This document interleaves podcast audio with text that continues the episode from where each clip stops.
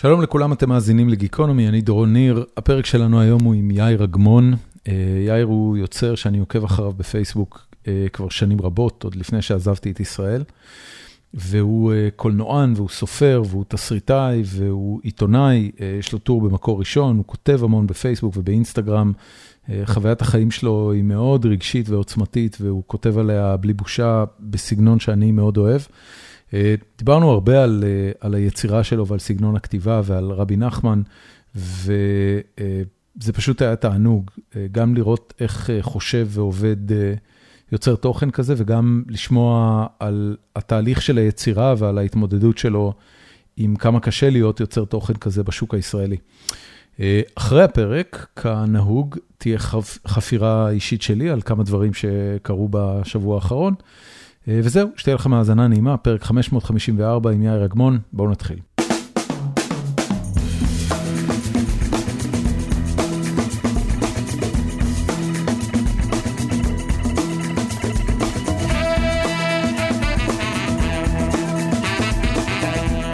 אוקיי, אני איתך אחי, מה? טוב, מה שלומך? הכל טוב. אני בסדר, בדיוק אנחנו מקליטים, אנחנו לא מקליטים. אנחנו מקליטים, אני מקליט מהרגע שעלית. אה, אוקיי, בסדר. אז... אני מרגיש, קודם כל, אני מניח שאתה מכיר את העניין הזה, אבל אני בתור מישהו שעוקב אחריך בפייסבוק כבר שנים, אני מרגיש שאני מכיר אותך נורא טוב. כמה אנשים בעולם אתה חושב שמכירים אותך ככה? תדע לך שאני בכלל, אני יודע שאני נחשב דמות יחסית חשופה בפייסבוק, אבל בחוויה שלי אני ממש לא מרגיש חשוף, כאילו להפך, אני מרגיש מאוד מנוהל, אני מרגיש שאתה לא מכיר אותי, אתה לא יודע מה עובר עליי. מה זה אומר מנוהל? מנוהל, אני יודע מה אני שם בפרונט ומה אני...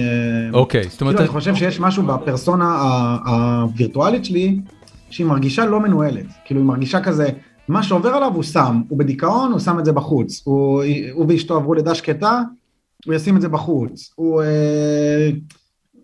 הוא אבא מתוסכל, הוא, זה, זה יהיה בחוץ. שבוע שעבר היה לו יום באסה, יש על זה פוסט. בדיוק, בדיוק. עכשיו, זה לא שאני משקר, זה פשוט מאוד מנוהל, כאילו קורה, קורים הרבה דברים שאני בכלל לא כותב עליהם מילה, למשל, אתה מבין? כן.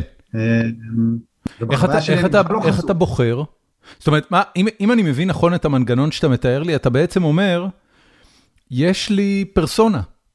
שאני בונה, ואני מנהל אותה בצורה מאוד מדויקת, היא הפרסונה שמופיעה בסרטים הדוקומנטריים, היא הפרסונה שכותבת בפייסבוק, באינסטגרם. יש לך, מי זאת הפרסונה הזאת? וזה engineered, אתה מהנדס את זה. יש לי פרסונה, היא מאוד מאוד מאוד צמודה למי שאני בעולם. כלומר, זה לא איזה משהו שאני מייצר. כשאני כותב פוסט על זה שאני ביום עצוב, אני ביום מאוד מאוד קשה. אבל נגיד יש לי עכשיו חברים שעוברים איזשהו משבר גירושים. אוקיי. Okay. זה מסעיר את עולמי, וזה, וזה מטלטל אותי. לראות אותם עוברים את זה? לא משנה, כאילו, הם מאוד מאוד חברים נורא נורא קרובים אליי, ויש שם הרבה כאב, ואני פשוט, שמע, זה כמעט הכותרת הראשית של החיים שלי בחודשים האחרונים. ולא תכתוב על זה מילה. אני לא אכתוב על זה מילה, כי, כי זה לא מתאים, זה מורכב, זה נכון. טעון, אני אפילו לא, כאילו, לזה התכוונתי, ש... שזה לא שאני שם בחוץ שקרים, זה שאני שם בחוץ את מה שמתאים לי לשים בחוץ, אני, אני, אני, אני מבין מה זה הדבר הזה, מה זה רשתות חברתיות, אני, נראה לי אני מבין. אני בטוח, אני, אני בטוח שאתה מבין, אתה, אתה בוודאי יודע להפעיל את המנגנונים האלה בצורה מאוד מאוד אינטואיטיבית. כן. מתי שמת לב שזה עובד לך? אתה יודע, אני, אני, אני, אני ואתה לא באותו גיל, אבל אנחנו שנינו גדלנו בעולם, שבו החצנת רגשות וסוג כזה של התבטאות אה, אותנטית, רגשית, אה, wearing your heart on your sleeve, מה שנקרא באנגלית, אה, היא לא מקובלת בישראל, היא לא, היא לא הנרטיב הדומיננטי של החברה הישראלית. לא חשבתי על זה, על הדיון הזה, כאילו, אל מול החברה הישראלית, ואני מהיום שאני זוכר את עצמי, אני לא שומר בבטן דברים, ואני בן אדם חשוף, גדלתי בבית מאוד... בולגן, רועש. קיצור, אני לא, אין לי באמת תשובה למי החברה הישראלית או מה החברה הישראלית, אבל אני לא מרגיש שאני נדיר או שהשתניתי או משהו כזה. השאלה אם אתה, אוקיי, האם בילדות שלך, כשהיית ככה, הרגשת שזה מקבל את אותה תהודה חיובית, כמו בבגרות שלך ובעידן של רשתות חברתיות?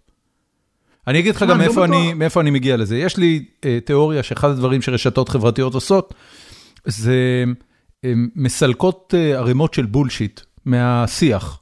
עכשיו, הבולשיט הזה הרבה פעמים הוא טוב, ו- ולפעמים הוא גם לא טוב. זאת אומרת, הבולשיט הזה כולל בתוכו גם uh, uh, פאסון מזויף וגם uh, דיפלומטיה. דיפלומטיה זה דבר טוב, אנחנו לא רוצים שכולם יגידו לנו איזה חארות אנחנו בפרצוף.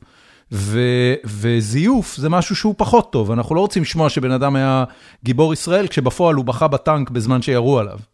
אמ, אז אני כאילו, אני אני מנסה, ואתה בטח מרגיש לי בן אדם מאוד אותנטי מהבחינה הזאת. אז בוא אני אספר לך סיפור. יאללה. Uh, אני הייתי, אם, אם היית רואה אותי ב-2011, אז הייתי אומר לך שפייסבוק זה הדבר הכי נורא בעולם. כאילו, זה דבר נורא. כאילו, הייתי ממש התנגדתי לזה בתחילת, בתחילת, כשזה התחיל. כאילו אמרתי לעצמי, אנשים שמים שם תמונות, זה פעם היה יותר סביב תמונות, מתייגים, זה היה נראה לי הזוי, ואני, ואני הייתי ידוע כההוא בלי הפייסבוק, גם לא היה לי, גם לא היה לי uh, סמארטפון עד שלב מאוד מאוחר. כאילו הייתי, הייתי מאוד מאוד אה, אנלוגי וספרותי, אני הייתי בן אדם שהולך לכיוון של ספרות. כשהספר הראשון שלי יצא, אז uh, הוא לא נמכר טוב כל כך.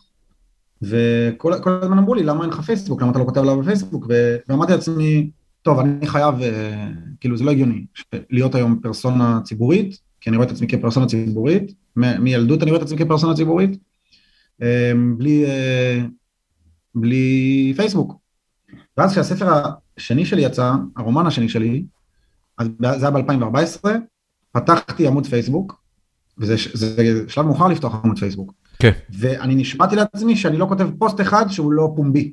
כלומר, מבחינתי, כל מה שאני כותב בפייסבוק, מהשנייה שפתחתי אותו, אמ, מיועד אל ההמון. כל, ה- כל האמת בפרצוף. זה לא של כל האמת, זה פשוט, הרבה פעמים, הרבה אנשים, אז הפייסבוק זה כזה אה, דרך שלהם לעדכן מה קורה איתם, דרך שלהם לעקוב אחרי פוליטיקאים, כאילו, אה, עבורי הפייסבוק זה רק, ככה הוא נפתח. זה רק מקום לאיזושהי אינטראקציה עם קהל. אוקיי. כדי להביא אותו לספר שלי. בהתחלה פתחתי את הפייסבוק כי אמרתי, יש לי ספר חדש, אני חייב שאנשים יקראו אותו, אי אפשר את זה בלי פייסבוק, זה מה שעשיתי. אמ, גם אותו אגב לא קראו הרבה אנשים.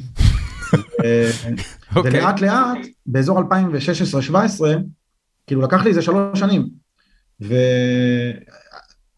והפכתי כזה לאבא, התחלתי לכתוב דברים יותר אישיים, התחלתי לכתוב דברים על היום יום שלי, כי זה היה לי כיף, כי זה היה לי מעניין, כי ידעתי שלא משנה מה, אני צריך להיות כאילו נוכח פה, הבנתי שזה מין מנגנון כזה שאם אתה שותק אתה פשוט לא קיים, ואם אתה אומר משהו אז אתה לפחות קיים. אמ, ובאזור 2016-2017 זה, זה הסלים, סביב הכתיבה שלי על ה... עכשיו תוך כדי גם עשיתי סדרת רשת שהתפוצצה בפייסבוק, אז אתה מבין, כלומר, זה לא שזה התחיל כאיזה משהו כזה אישי פרטי, ואז הוא התפת... לא, זה מההתחלה היה פומבי, ובתוך הדבר הזה למדתי כל מיני דברים, ו- וגם היום אגב, אני לא רואה את עצמי כמין מפלצת פייסבוק או מפלצת אינסטגרם, אני יחסית קטן, כאילו אין לי הרבה הרבה עוצמה. לא, אני לא, הרבה... אני, לא, אני לא חושב שאתה מפלצת. יש לי הרבה אינטר... אינטראקציה, אין לי הרבה עוצמה, אתה מבין את ההבדל? כן, ו- ואני אגיד לך גם יותר מזה, אמ, אתה נורא, אמ, אתה נורא דומה למודל של אה, אנשי המדיה של העולם החדש. העולם החדש הוא עולם אה, דמוקרטי לחלוטין, יש יוטיוב להעלות לתוכו תוכן וידאו, ויש פייסבוק להעלות לתוכו פוסטים אישיים, וכל מיני פלטפורמות למיקרובלוגינג, ולא לא צריך להסביר לך כאילו, והבן אדם יכול לקום בבוקר ולהחליט שהוא תאגיד מדיה בפני עצמו, ולעשות הכל. להוציא ספרים, למכור הרצאות, לעשות תוכן וידאו, לכתוב פוסטים, להיות אה, ישות עצמאית שהיא תאגיד מדיה. אה, ולנהל את כל הדבר הזה על פני כל הרשתות החברתיות, וזה ברור לי לגמרי שזה מה שאתה עושה, אפילו אם אתה לא ידעת שלשם זה הולך. זאת אומרת, מבחינתי כשאני רואה את, אה, את יאיר אגמון בנוכחות הדיגיטלית שלו, זה חברת המדיה של יאיר אגמון. אה, אני, אני, אני מניח ש... זאת אומרת, תמיד הנחתי שחלק מהדברים לא מגיעים לשם, אבל, אבל זה מקסים בעיניי שאתה אומר שזה גם קרה בצורה נורא טבעית לך. זאת אומרת, לא... לא... לא באמת ישבת לתכנן עם עצמך מה יהיה המותג המכונה יאיר אגמון, הוא פשוט יצא ממך לפלטפורמות האלה. כן, גם שמע, התחלתי אותו ביחסית בגיל צעיר, את המותג הזה, אני לא רואה את עצמי כאיזה, זה תיאור לא כל כך מדויק עבורי, כי אני רואה את עצמי כמין בין, אה, אה, יוצר שמנסה להגיע לקהל. אה, כלומר, יש לי את האומנות שלי, זה נשמע יותר רומנטי מאשר תאגיד מדיה. נכון. יש לי את הספרים ואת הסרטים שלי, אה, ואת ה, את הפרויקטים שלי, שהם מבחינתי, הם מבחינתי היעד שאליו השביל מוביל. כלומר, אני רוצה, אגב, הספר האחרון שלי, הוא נמכר בהרבה עותקים. ו, והסיבה, וזה לא שאני סופר חד פעמי בדורי, זה פשוט, יש לי, לא, אני אומר ברצינות, יש לי הרבה עוקבים. כי יש לך רשת הפצה, בנית כן, רשת הפצה מעולה. אותי, כן? אוהבים את מה שאני כותב, ו, אה, וקנו אותו הרבה, אתה מבין, זה... מהמם. זה, זה מהמם, זה באמת מהמם. נכון. כי מבחינתי הספר הזה, הוא ה... אתה מבין, הוא העניין. כאילו, אם אתה תשב ותקרא את הספר שלי, זה יספק אותי פי אלף, פי מיליון, מאשר כל דבר אחר בחיים, אתה מבין? זה הטופ מבחינתי, כי אני אה. חושב שהספרות היא האמנות שהכי... זאת אומרת, מבחינתך, מבחינתך אה, התוכן הכתוב הספרותי שאתה מייצר ומודפס על נייר ונמכר לאנשים, יותר חשוב לך שאנשים יצרכו אותו מאשר סדרות הטלוויזיה, הסרטים הדוקומנטריים, התוכן שלך ברשתות חברתיות?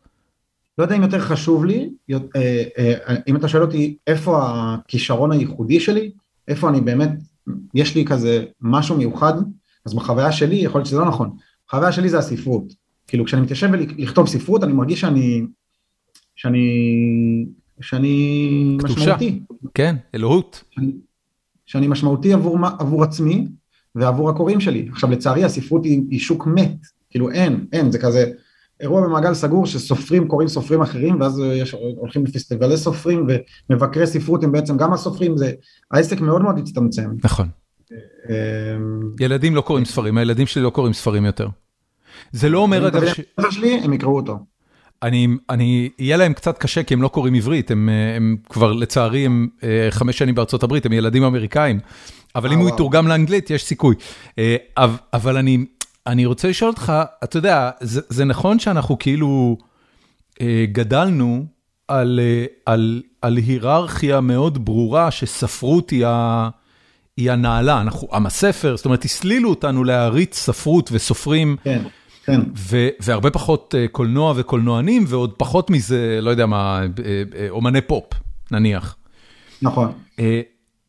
למה אתה חושב שזה ככה? הרי הרי יש הרבה יותר אנשים בעולם שהתרגשו משירים של הביטלס, ושהייתה להם חוויית חיים משמעותית ומרגשת ו, ו, ו, ונעלה, מאנש, מ, כאילו אנשים שהקשיבו לביטלס ולפינק פלויד, מאשר אנשים שקראו ספר כזה או אחר. כן. למה זה לא מספיק? זאת אומרת, למה, למה זה לא נקבע על ידי מה שריגש יותר אנשים, ולא מה שהסלילו אותנו לחשוב שהוא נעלה יותר? קודם כל אני, אני לא רואה את זה בצורה כזאת וחשוב לי להגיד את זה, אני, אני, אני בן אדם שהוא פופ, בחוויה שלי, אני לא, זה, אני בן אדם שפונה להמונים, את הספר שלי אני רוצה ש, שיקראו אותו כולם, לא, לא האליטה, אני גאה שהספר שלי מגיע לצעירים, אני גאה שהספר שלי מגיע לפריפריה, זה מה שמעניין אותי, אני גאה בסדרות הרשת שלי, אני האמנות שלי היא לא אמנות ב... בזה, כאילו להפך, זה, ש, זה שלפרק של סדרת רשת שלי מגיע למיליון צפיות, אחרי שהשקעתי בו וערכתי אותו וראיינתי, ואתה מבין, זה מבחינתי, אני בכלל לא מזלזל בזה בכלל, זה הטופ, זה, זה השיא. אמ, אני מסכים שכשהייתי ילד, זה, הייתה לי תפיסה היררכית כזאת, של כזה סופרים, במאי קולנוע כמו היצ'קוק, אמ, כאילו... דווקא היצ'קוק, אתה יודע, זה מצחיק היצ'קוק, אם אתה רואה את הסרטים, אה, גם הדוקומנטריים וגם העלילתיים שעשו על הקריירה שלו, הוא נתפס על ידי הוליווד בתור טראש. בהתחלה. נכון, נכון. זה קצת כמו, אתה יודע, שטרנטינו ביסס את הסרטים המדהימים שלו על בי מוביז, גם לוקאס, נכון, גם נכון. ספילברג, הם היו כאילו מעריצים נורא גדולים של בי מוביז, ואז הם עשו כן. יצירות מופת שמתבססות על זה. כשזה טוב זה טוב, כשזה כן. טוב זה טוב. אבל מה זה טוב? טוב זה אהוב, טוב זה מרגש. זה טוב. מה, אה, אני מתרגש מפופ, אני שומע את ה... את המוזיקה הכי uh, מאפנה בעולם, כאילו, ובוכה ממנה. אני, אני לא בן אדם שהוא, uh, שיש לו תפיסה היררכית של... Uh, אתה לא מצקצק, אתה אומר, אין צקצוקים שם. אין צקצוקים, וגם, אתה יודע, אני באמת, uh, אני חושב שאפשר להגיד שאני יחסית פוסט מודרניסט, כלומר, אני באמת באמת לא חושב ש... ש... יש איזה דרך נכונה, או שזה טוב וזה רע. כן. אני, אני גם ברסלבר, ברסלבים הם אוטומטית מבינים שהכל מפורק, שהכל מפורר. אני, אני, אני רוצה להגיד לך שהכוונה שלי הייתה להתחיל את הפרק עם ברסלב. ו... ויש לי כל כך הרבה דברים שאני רוצה לדבר איתך עליהם, אז אני רק, אתה יודע, נזרום לפי מה שלך בא. אז הנה, הגענו, הגענו לברסלב. אתה רוצה, זה בסדר שנדבר על ברסלב קצת? דבר מה שאתה רוצה, מה אני כאן. יופי. אז ככה, אני, אני מאוד אוהב את הטקסטים באתר שלך. למאזיננו אני רק אגיד שיש לך באתר אזור של פוסטים רנדומליים שקשורים לטקסטים של רבי נחמן מברסלב. אה, איזה חמוד אתה, זה אתר, מה זה מת, כאילו, מה זה, לא נגעתי בזה. אבל זה קונספט מקסים בעיניי, מקסים ממש. לקחת כאילו קטעים מהטקסט של רבי נחמן ולכתוב את מה שלך יש להגיד עליהם בקטנה. יש קטע אחד ש, שתפס אותי ורציתי לדבר איתך עליו. זה, זה טקסט שכותב ככה, דע שיש בחינת אריך אנפין בקליפה, ומי שפוגע באישה מבחינה זו, קשה לו להינצל מההרהור, ואף אם יעצים עיניו, אף על פי כן בכל צד שיפנה תזדמן לו, כי היא בחינת אריך אנפין של הקליפה שהם פנים ארוכים, ועל כן בכל צד שיפנה תזדמן לו. תעשה לי שיעור ברסלב קטן, תסביר לי את הקטע הזה ותסביר לי מאיפה הוא הגיע. אני צריך לקרוא את הטקסט, אני צריך לראות אותו. אתה רוצה שאני אשתף מסך? בוא אני אשתף מסך. רגע. מאיפה זה? זה מליקוטי מוהר"ן? תגיד לי אתה, הנה אני משתף לך את המסך עכשיו. איזה טירוף. תגיד לי. קודם כל אני אגיד שהספר הזה שאתה מציג עכשיו, הוא נקרא ליקוטי מוהר"ן. אוקיי. זה בעצם רבי נחמן היה בבית מדרש, והיה לו תלמיד חנון שקראו לו רבי נתן. רבי נתן כזה טיק טיק טיק טיק כתב את כל מה שרבי נחמן אמר. וזה מחולק כזה לתורות, נגיד רשום למעלה שם רמ"ב, זה 242, אז זה משהו שנאמר בבית מדרש. ואני אוהב ללמוד עם מרקרים, ולפעמים אני ככה מסמן לי ומצלם לי וזה, אז, אז עכשיו בוא נקרא באמת מה זה, זה עכשיו יותר קל. דע שיש בחירת, בחינת אריך אנפין בקליפה, אריך אנפין זה אף ארוך, אבל זה כמו שיש חרון אף, זה כמו שיש, נכון, בכעס, אז נראה לי אריך אנפין זה, זה, זה איזשהו יסוד שלילי. אוקיי, ומה זה קליפה מהבחינה הזאת? וואי, זה בעולם הקבלה, זה כל מיני אה, אה, עניינים של קבלה, שיש, אה, זה קשור לעולם, לבריאת העולם, לחלל הפנוי. אה, אני, אני, אני, אני אסביר לך את זה בטרמינולוגיה ברסלבית. קדימה. נגיד, נגיד אני מדבר איתך עם דורון, ואתה, אני שואל אותך מה שלומך ואתה לא עונה לי, אתה לא עונה לי, אתה, אתה מחרטט אותי. אז אני אגיד לו, אז, אז אני אגיד, שמע, אחי, אתה כולך קליפות, באמת, כאילו בוא... זאת אומרת, קליפה בוא... זה, זה משהו שהוא כלפי חוץ והוא לא התוך, הוא לא המשמעות? נגיד, אני לא יודע מה זה בהקשר של הטקסט הזה, אבל... אבל זה, זה, בברסלב קליפה זה משהו מאוד מאוד בעייתי, משהו מאוד בעייתי, צריך, לח, צריך, צריך, צריך להתעלות מעליו. אוקיי. מי זה, שפוגע זה, זה קליפה כמו של, זה, זה קליפה כמו של גרעין מהבחינה הזאת? או, כן, או, או בצל כן. שהמטרה היא לקלף עוד שכבות עד שמגיעים? כן, אוקיי. כן.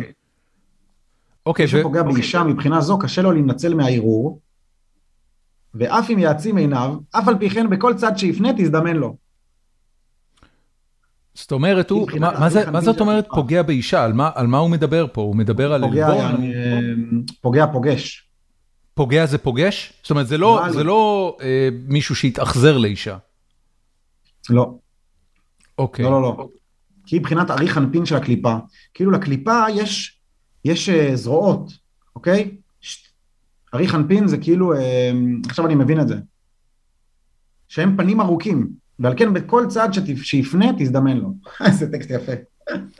אתה כזה חמוד, לא הבנתי כלום. עוד לא הבנתי כלום. אוקיי. שמע, זה טקסט, זה טקסט אה, אה, מורכב, הוא גם טקסט על צניעות. אני רואה את ההמשך, דש הצדקה הוא סגולה גדולה ומועילה מאוד להינצל מהרהורי ניאוף. כלומר, זה טקסט על צניעות. אבל הדימוי של הצניעות, כאילו הבעיה, רבי נחמן הרבה פעמים מתחיל תורות בבעיה ובפתרון. אוקיי, אז הבעיה שהוא מציג פה, זה שיש לקליפות, נראה לי עכשיו זה קליפה, יעני, לצורך העניין, חזות חיצונית? אישה שלבושה יפה. אישה אוקיי. שלבושה טוב ברחוב. אוקיי. ויש בחינת אריך אנפין בקליפה, כאילו הקליפה אה, הולכת רחוק, יש, היא שולחת זרועות. למשל, מי שנתקל באישה, קשה לו להינצל מערעור, כלומר אם היא יפה הוא ייתקע עליה, הוא יעצום עיניים, אף על פי שיעצום עיניו, הוא לא יכול להפסיק לחשוב עליה. הוא לא יכול להפסיק לחשוב עליה. למה? כי זה בחינת אריך אנפין של הקליפה. אוקיי. ועל כן אז... בכל צד שיפנה תזדמן לו. עכשיו אני, רבי נחמן תיאר את זה כדבר שלילי, אני מאוד uh, התרגשתי מזה, כי זה ככה, זה כשמתאהבים במישהי, נכון? לאן שאתה לא הולך, היא נתקעת לך. אתה רואה אותה בכל מקום. אתה רואה אותה בכל מקום. אז כנראה שזה סתם, אני אפילו לא יודע לאן התורה הזאת תתגלגל, אבל אהבתי את ה... אני, אני חושב שזה מתאים, זה גם, זה גם קצת מיוסר, זאת אומרת, הוא מתאר פה סיטואציה לא נעימה, בן אדם רואה לא, מישהי לא, ברחוב, לא. והוא לא יכול להפסיק לחשוב עליה, והוא עוצם עיניים, הוא לא מפסיק לחשוב, כאילו, זה קצת אובסס. כן, למרות שאני כרומנטיקן כזה, אני מאוד אוהב את התיאור הזה, כאילו, אני הייתי שמח קצת, ל... הייתי שמח להתקל באישה הזאת עכשיו. כן. מאיפה, ה... מאיפה האהבה שלך לברסלב, איך זה נולד? אמ, טוב, אז זה, זה קצת שובר כבר, אבל ב, ב, אני מאוד מאוד, אה, תראה את התאריך פה, אה, יוני 25, 2016. כן. למה זה משמעותי? כי, ב, כי במרץ, ב-20 במרץ 2016, אשתי ואני עברנו לידה שקטה. אוקיי. ב, בחודש שביעי להיריון, זה היה מאוד מאוד קשוח, מצאו, מצאו מום במוח של העובר והוחלט על הפסקת הריון, אז היינו צריכים אה, לעבור מין תהליך מאוד מאוד נוראי שאני לא מאחל לאף אחד בעולם. ואני באותה תקופה, היה לי חבר שהייתי נפגש איתו ולומד איתו מדי פעם, ו... ושם רבי נחמן אה, נכנס לחיי, כאילו פתאום, עד אז חשבתי שהוא סתם איזה הזיה, רבי נחמן. אתה, אתה גדלת בחינוך דתי. גדלתי בחינוך דתי, אבל לא... לא דיברו על לא ברסלב. דיברו, אתה יודע, הוא היה כזה מין משהו שלומדים, הוא לא נדבק לי, הוא לא נפתח לי, הוא לא, לא הבנתי אותו. ו... ואחרי הפסקת הריון, כמו הקלישאות, אה, פתאום הבנתי את כל העסק, את כל הדרמה שלו, את כל, ה, את כל האנרגיה שלו, הבנתי, פשוט הבנתי, ואני גם יכול להסביר. כאילו תסביר, זה... בבקשה, אני מת להבין. אז אוקיי, אז אני, אני, אני אגיד לך בפשטות, שאם אתה, אם אתה מתהלך ב... נקרא לזה בנוף, בנוף, בנוף הטקסטים היהודי, אה, ומחפש רגש, אז אתה תרגיש שאתה במדבר צחיח. אין, אין. אף אחד לא מדבר על רגש. אף אחד לא מדבר על דיכאון, אף אחד לא מדבר על עצבות, אף אחד לא מדבר על ייאוש, אף אחד לא מדבר על, אתה מבין? כאילו, יש הרבה הרבה הרבה הרבה הרבה תופעות יהודיות, טקסטואליות, ואין אף אחד שמתקרב לשיח רגשי כמו רבי נחמן. אני אגיד לך עוד משהו, שרבי נחמן היה בן אדם אה, נורא נורא דוגרי, דוגרי כזה, כלומר הוא דיבר עם התלמידים שלו על הכאבים שלו, על הבושה שלו, על התסכול שלו, והיה לו תפיסה, תפיסה, התפיסה שלו על החיים היא תפיסה שאנשים צעירים לדעתי לא יכולים להבין. כי אתה צריך להיות קצת, קצת מבוגר וקצת שבור כדי להבין מה הוא מציע. אה, אני אתן לך דוגמה, יש לו תורה מאוד מאוד יפה שמתארת, אה, שמתיישבת על הפסוק אה, ומשה ניגש אל הערפל אשר שם האלוהים. זה פסוק ממעמד הר סיני. כן. והסצנה היא שה, שהאלוהים נמצא על הר סיני, יש כזה עננים עננים על הר סיני ערפל, וכל העם, אה, והעם שומעים את הקולות, וינו ויעמדו מרחוק, הם מתרחקים, הם הולכים אחורה, כי הם מפחדים, זה מפחיד אותם הערפל הזה. כן. ואז משה ניגש אל הערפל אשר שם האלוהים. רבי נחמן עושה שם איזה מין מוב יפה על הפסוק הזה, והוא בעצם בא ואומר, ערפל, ערפל זה דבר שאנחנו לא, בגדול לא רוצים להיכנס לתוכו. כן, כאילו, בוא ניקח הוא מטאפורה לחוסר ודאות. כן, אבל בוא ניקח ערפל כלידה שקטה. כדיכאון, כפיטורין, כגירושין, כהשפלה, כל דבר. ערפל זה אזור של חוסר ביטחון, של, של, של חולשה. כן. ומה שרוב האנשים עושים כשיש להם דבר כזה בחיים, הם וינו ויעמדו מרחוק, הם הולכים אחורה, הם, הם מסיחים את דעתם, תראה גלידה, תאכל גלידה, תראה סרט, בוא נצא לטייל, אל תהיה בתוך הדבר. ורבי נחמן אומר, מה זאת אומרת? שם אלוהים.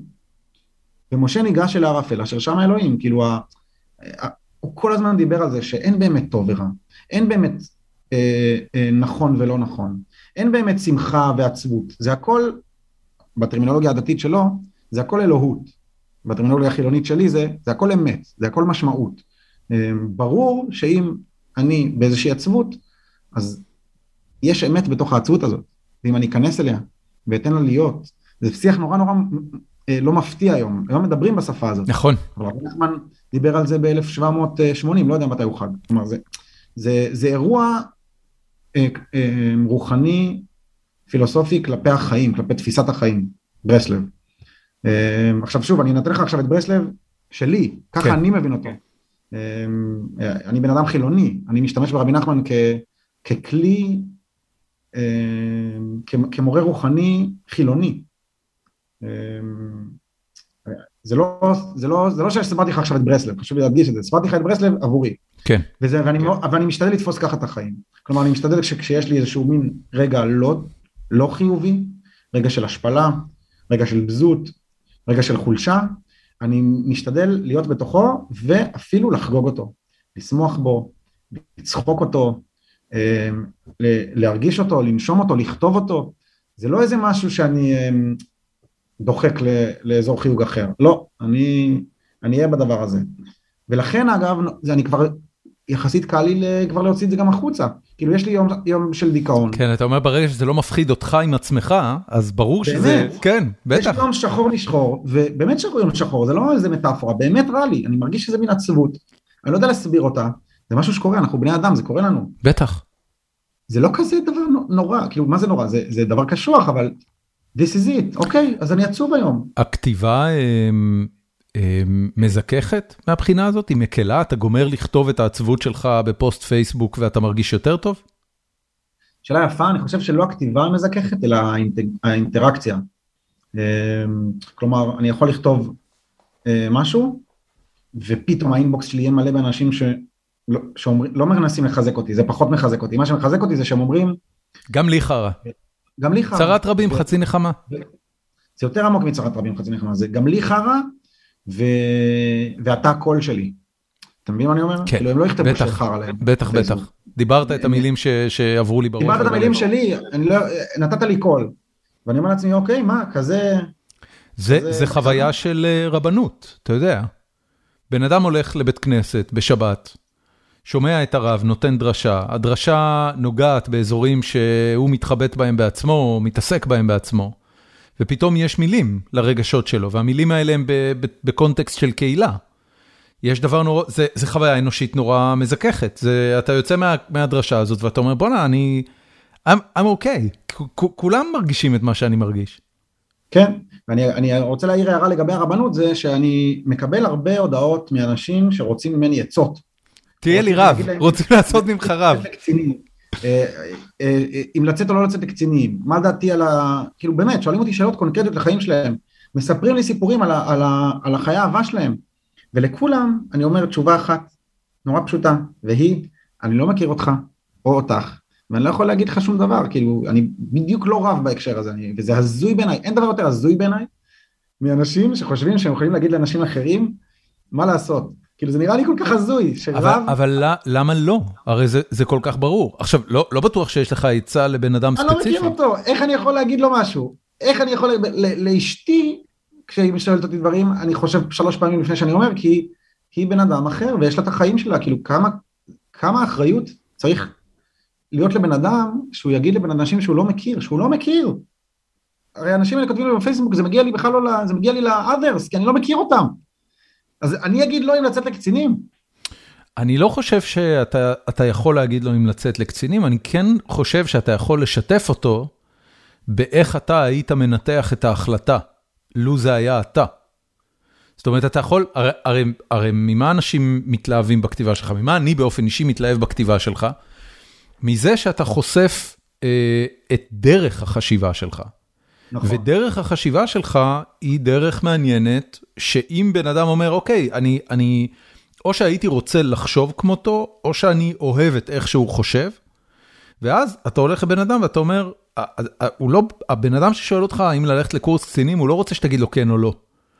הוא רוצה לשאול אותך איך אתה היית חושב על הדילמה של האם ללכת לקורס קצינים או לא, ואת זה בוודאי שאתה יכול לעשות. ומאוד מאוד חשוב לי לחסום את זה, כלומר זה משהו שהוא חלק מה, נקרא לזה הדמות הציבורית שלי, והדמות נגיד לצורך העניין גם חינוכית, כאילו חלק מהעניין הוא שאני אה, לא בן אדם שיכול להגיד לאנשים אחרים כלום, כאילו להפך, אני גם, לא, אם אתה תחפש בפוסטים שלי את המילים זאת דעתי, לדעתי, נראה לי, אני חושב ש... כלומר, אני, אתה לא תמצא אותי מדבר בשפה של אמת. כלומר, כי אני באמת באמת לא חושב שיש אמת, ואני באמת לא חושב שהאמת בצד שלי. אה, להפך, הנחת המוצא שלי היא שאני טועה. מכאן נתקדם. אתה, אתה, ראיתי הבוקר, אה, ממש לפני 6 או 7 שעות, פוסט אה, ארוך ופוליטי. יש בו תפיסת עולם מאוד מוצקה של, של הומניזם אוניברסלי, של בני אדם הם בני אדם באשר הם. הפלסטינאים שאנחנו עכשיו... אה, בגלל כל מה שקורה בישראל, אה, נמצאים בתקופה של שנאה עזה למגוון רחב של תופעות שם, ואלה הקולות שנשמעים. אתה מדבר על הפלסטיני הצנוע, שרוצה שיהיה לו חיים טובים לו ולמשפחה שלו, ואיך הוא בתוך הדבר הזה. יש שם תפיסת עולם מאוד ברורה, אתה גם מציג דרך חשיבה מאוד ברורה. אתה לא רוצה שאנשים אחרים יחשבו כמוך? לא, כאילו, שוב אני אומר, מה זה לא? אני כותב את זה, אני שם את זה שם בחוץ, אבל להפך, אני חושב שמה שמעניין, אני לא יודע איזה פוסט קראת, כי העליתי גם פוסט אחד היום, שלדעתי הוא יותר מעניין. היום העליתי פוסט פוליטי, אמ, אני לא חושב נחוש. שזה מה שקראתי. זה הפוסט, אה, זה הפוסט follow-up לפוסט שהעליתי אתמול. לא, לא, לא, אני ראיתי משהו שלפחות לפי, לפי השעה שלו בפייסבוק הוא היה לפני שבע שעות, משהו כזה? כן, אז זה מהיום. אז כן, כן אז, אז, אז אני, יש בו תפיסת עולם מוצקה, אני יודע מי אני. בטח. זה לא שאני אומר, אני לא זה, אבל, אבל אני לא יודע שהאמת אצלי. כלומר, אני מאוד מאוד חשוב לי ל, ל, ל, ל, ל, להניח את הדברים ב, על הבמה אמ, עם סיוג, עם, עם היסוס, עם נקודת מוצא מאוד מאוד ברורה, לא, שהאמת לא אצלי. לא יודע אם זה עולה מתוך הטקסט, אבל... אמ, מתי פעם אחרונה שינית את דעתך לגבי, ה... לגבי המצב בארץ? אני חושב שאני די, די משתנה, כלומר אני, אני, אני זז ימינה ושמאלה, אני זז ימינה ושמאלה במרחב, כאילו אני... אחד הפרויקטים שאני עובד עליהם עכשיו נקרא המילון של הסכסוך. זו סדרת רשת שאני מקווה שתעלה עוד uh, כמה חודשים, כבר צילמנו חלק ממנה. Uh, היא נולדה מתוך התחושה שלי שאני שמאלני uh, עם אנרציה, כלומר אני שמאלני שהיה שמאלני. כאילו אי שם הייתי שמאלני, ואני כזה רץ על האנרגיה הזאת, ואני לא יודע אם זה אמיתי. אני לא יודע גם מה זה אומר שאני שמאלני היום. אני לא יודע מה העמדות שלי, אני לא יודע כלום. גם, אולי אני לא צריך לדעת, אבל... אה, ברור שאתה צריך לדעת. לא, אני מתכוון, אני, אני, לא, אני אומר, אולי, אני, אולי אין באמת איזה תשובה או משהו כזה, כלומר, אני, אני לא חושב שיש לי גם, אי פעם תהיה לי תשובה למה צריך לעשות כדי לזה, אה, כדי לפתור את הסכסוך, או מה צריך לעשות כדי שהילדים שלי לא יחיו במציאות שבה אנשים מסתובבים גרזנים והורגים אנשים אחרים, או לחילופין שאנשים נכנסים באמצע הלילה לבתים של אנשים אחרים ואוזקים אותם עם פלנלית ואזיקון. כן. אה, זה, זה מעסיק אותי באמת, לא כמטאפורה, אבל, אבל אני לא באמת מבין את זה. ואמרתי בוא'נה אני חייב להתעסק עם זה, למרות שזה כאילו הנושא הכי שחוק, לכולם כבר נמאס, אף אחד כבר לא יכול לשמוע כלום, ובכל זאת, אני לא יודע עליו כלום. ואז היה לי רעיון איך, איך, אני, איך אני אצליח לדבר על זה שוב, הרי כאילו אי אפשר לדבר על זה, אתה יודע, אני, אתה כותב פוסט ומתלבטים מאוד triggering, כולם, כולם בפוסט טראומה, כולם סופר triggered מכל הסיפור. הכל כל כך אמוציונלי וכל כך נכון. כועס וכל כך לא קשוב. אגב, זה עוד מאבק שלי, להקשיב ולהקשיב באמת לתגובות ולנסות להגיב בצורה מכובדת. כל הפוסט שלי האחרון זה תגובה מכובדת לאנשים שבייסיקלי די קיללו אותי. נכנסו לך ברמה. כן, כאילו, דיברו אליי לא יפה, ואני אמרתי, אוקיי, אתם קוראים לי יפה נפש, דבר ראשון, אני יפה נפש, תודה רבה, מה עדיף לי, שתהיה מכוער כן. נפש? ודבר שני, אני כאילו מנסה כן להיות קשוב. אז לפרויקט קוראים המילון של הסכסוך, והרעיון הוא שכאילו אנחנו לא מדברים על הסכסוך הישראלי פלסטיני, אלא על המילים, על המילים שמהם הסכסוך מורכב.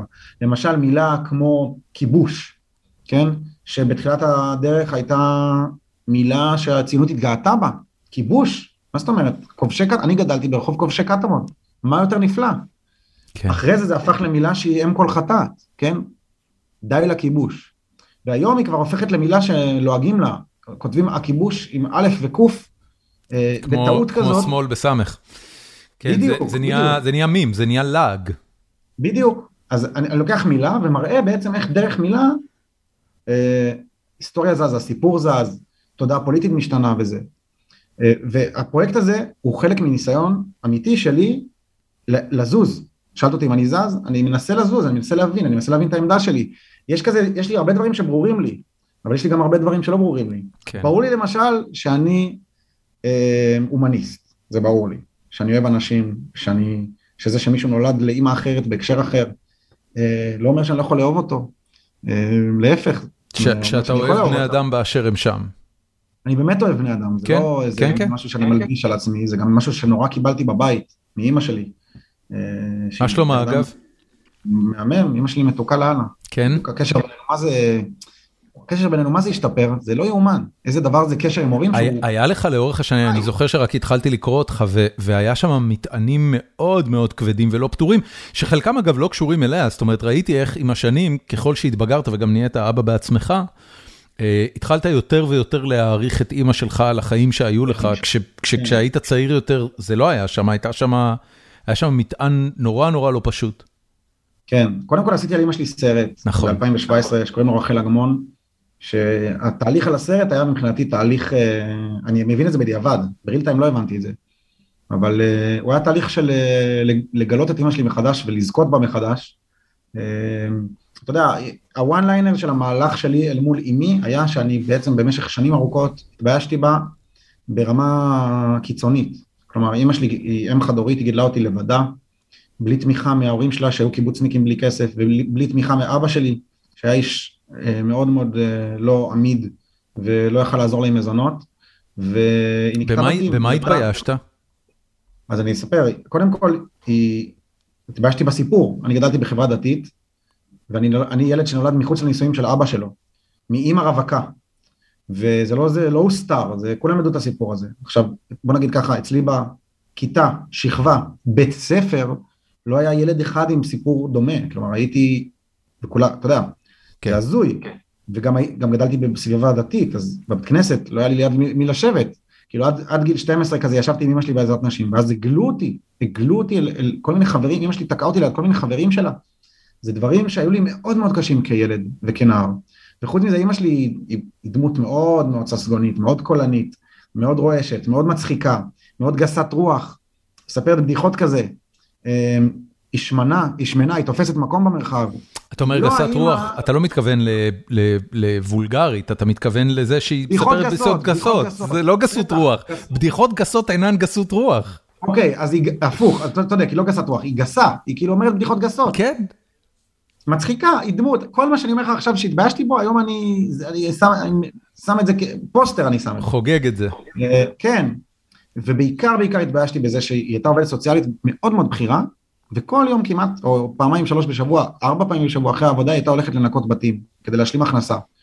וכשהייתי בגיל ההתבגרות, אתה יודע, כיתה ח', ט', י', י"א, י"ב, אז זה היה ממש דבר שהתביישתי בו בטירוף, כלומר ממש הייתי עסוק בלהסתיר את זה מאנשים.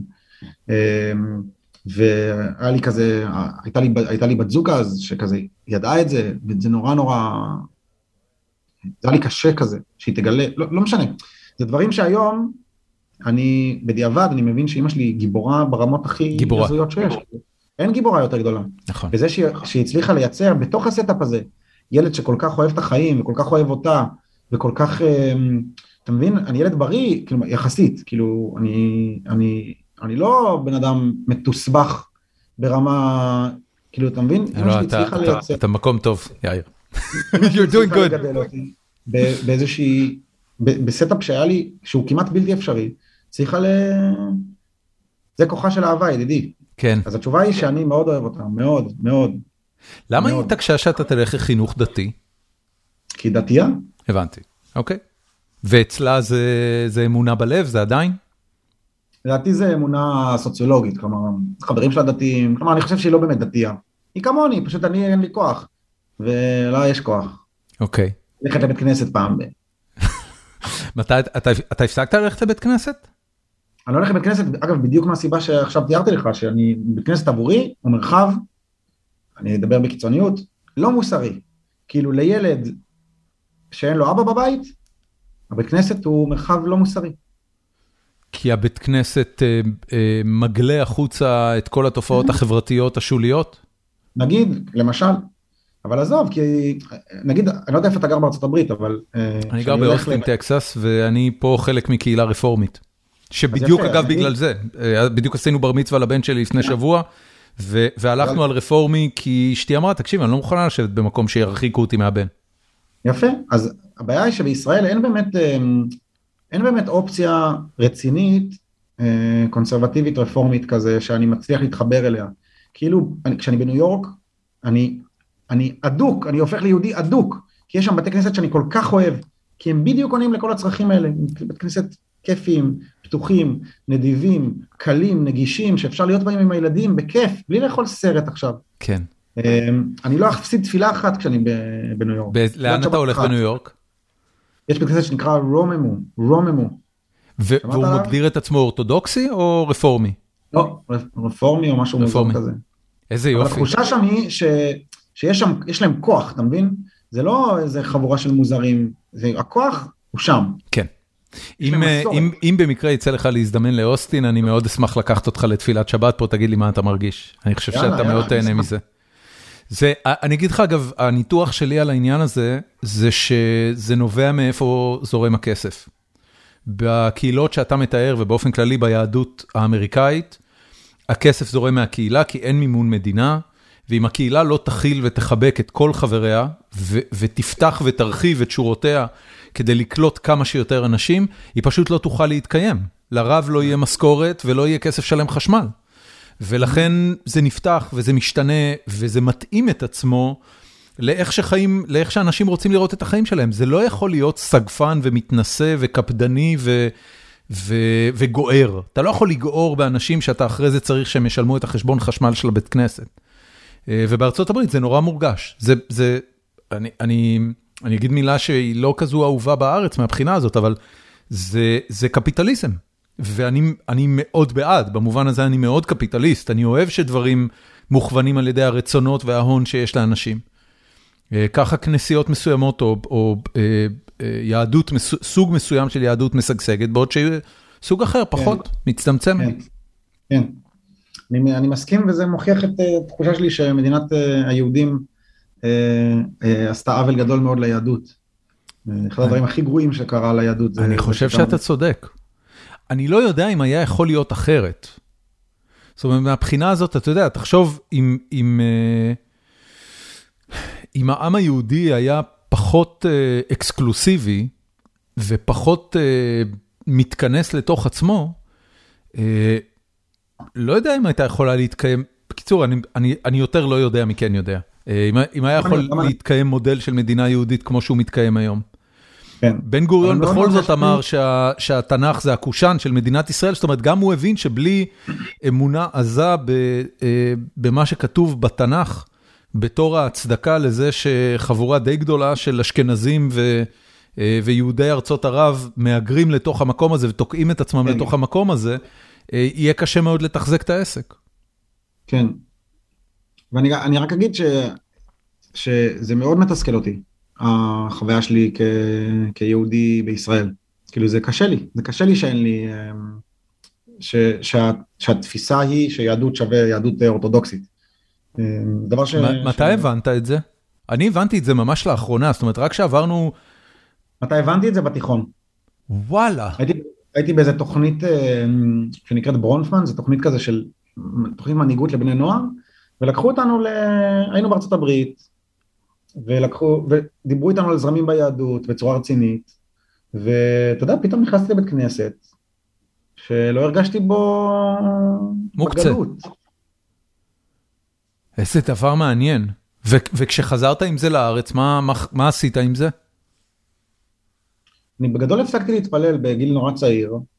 אמ, מעניין כמה זה, שמע, אני, לא, אני גם בן אדם לא מאמין, זה מצחיק שאני מדבר על איזה געגוע לבית כנסת, כשאני בן אדם שלא, לא, אני ניסיתי להאמין, איזה 20 שנה מהחיים שלי ניסיתי להיות בן אדם מאמין ולא הצלחתי, אבל אני בן אדם מאוד מאוד מאוד מאוד מחובר לתרבות, מאוד. כאילו אני לומד פרשת שבוע, מלמד רבי נחמן, אה, אני עסוק בתורה, כאילו אני אוהב אותה, היא, היא מרכיב מאוד חזק בזהות שלי. אז, אז, אז הבית כנסת הוא עבורי פולקלור, הוא עבורי תרבות, הוא עבורי מוזיקה. אמ, ועוד מעט הילדים שלי יגדלו קצת, עכשיו הם עדיין קטנים, ואני לא יודע לאן אני אקח אותם, כאילו בשבת, כנראה שאני לא אקח אותם לשום מקום, אבל זה דבר שאני כזה... אתה חושב עליו. כן, כן. תגיד, אני, אני רוצה לשאול אותך, כי, כי דווקא זאת מחשבה שאני התעסקתי בה הרבה, דווקא בגלל שהבן שלי עשה בר מצווה, והלכנו כמה פעמים לבית כנסת לקראת הבר מצווה וכל זה. מה הייתה הפרשה שלו? פרשת קדושים. יפה. כן, והוא כתב יופי של דרשה על לא תשים מכשול בפני עיוור. ממש כאילו, זה היה רגע מעורר התרגשות וגאווה לכולנו. אתה יודע מה לייבוביץ' אמר על קדושים, על המילה, על הזה? ספר לי. קדושים תהיו. אז לייבוביץ' אמר, אלוהים אמר לבני ישראל, קדושים תהיו. מה, מה אנחנו לומדים מזה? שהם לא קדושים. לא, הם לא היו קדושים. תקשיב, אתה, אתה, אתה קורא את הטקסט הזה, וגם הרב של, ה, של הבית כנסת שאנחנו הולכים אליו, דיבר על זה הרבה. כשאתה עם, קבוצה של אנשים, שיצאו עכשיו מ-400 שנות עבדות במצרים, רק עבודה וחציר וטיט וחרא כל היום, ואתה פתאום יוצא למדבר, ויש לך, אתה יודע, הגיימפלן שמוצג בתורה, זה שלקחו עכשיו 40 שנה כדי לעשות מהחבורת עבדים האלה, עם תודעת העבדות שלהם, לעשות מהם עם חופשי שיכול להיכנס לישראל בחזרה ולכבוש אותה ולעשות ממנה את הארץ שלו. אז העניין הזה של להרים את המחשבה שלכם, תתחילו להתנהג כמו בני אדם, תתחילו לחשוב כמו חברה. עכשיו אתם אלה שצריכים לדאוג לחלשים בחברה, כי אין לכם איזה מעמד שליט של מצרים שיגידו, תקשיב, זה, זה כאילו קונספט, זה ממש... זה מניואל לבניית עם. וזה גאוני בעיניי, זה, זה טקסט ממש נהדר. ולא פלא שאגב הוא היה כל כך פורץ דרך וחדשני לתקופתו. באמת, הייתה תקופה שבה יהדות הייתה... הייתה השאיפה לחברה הצודקת הכי מרשימה במרחב האנושי. יותר מעמים אחרים שהיו באזור, מהחיטים והיבוסים וכל אלה.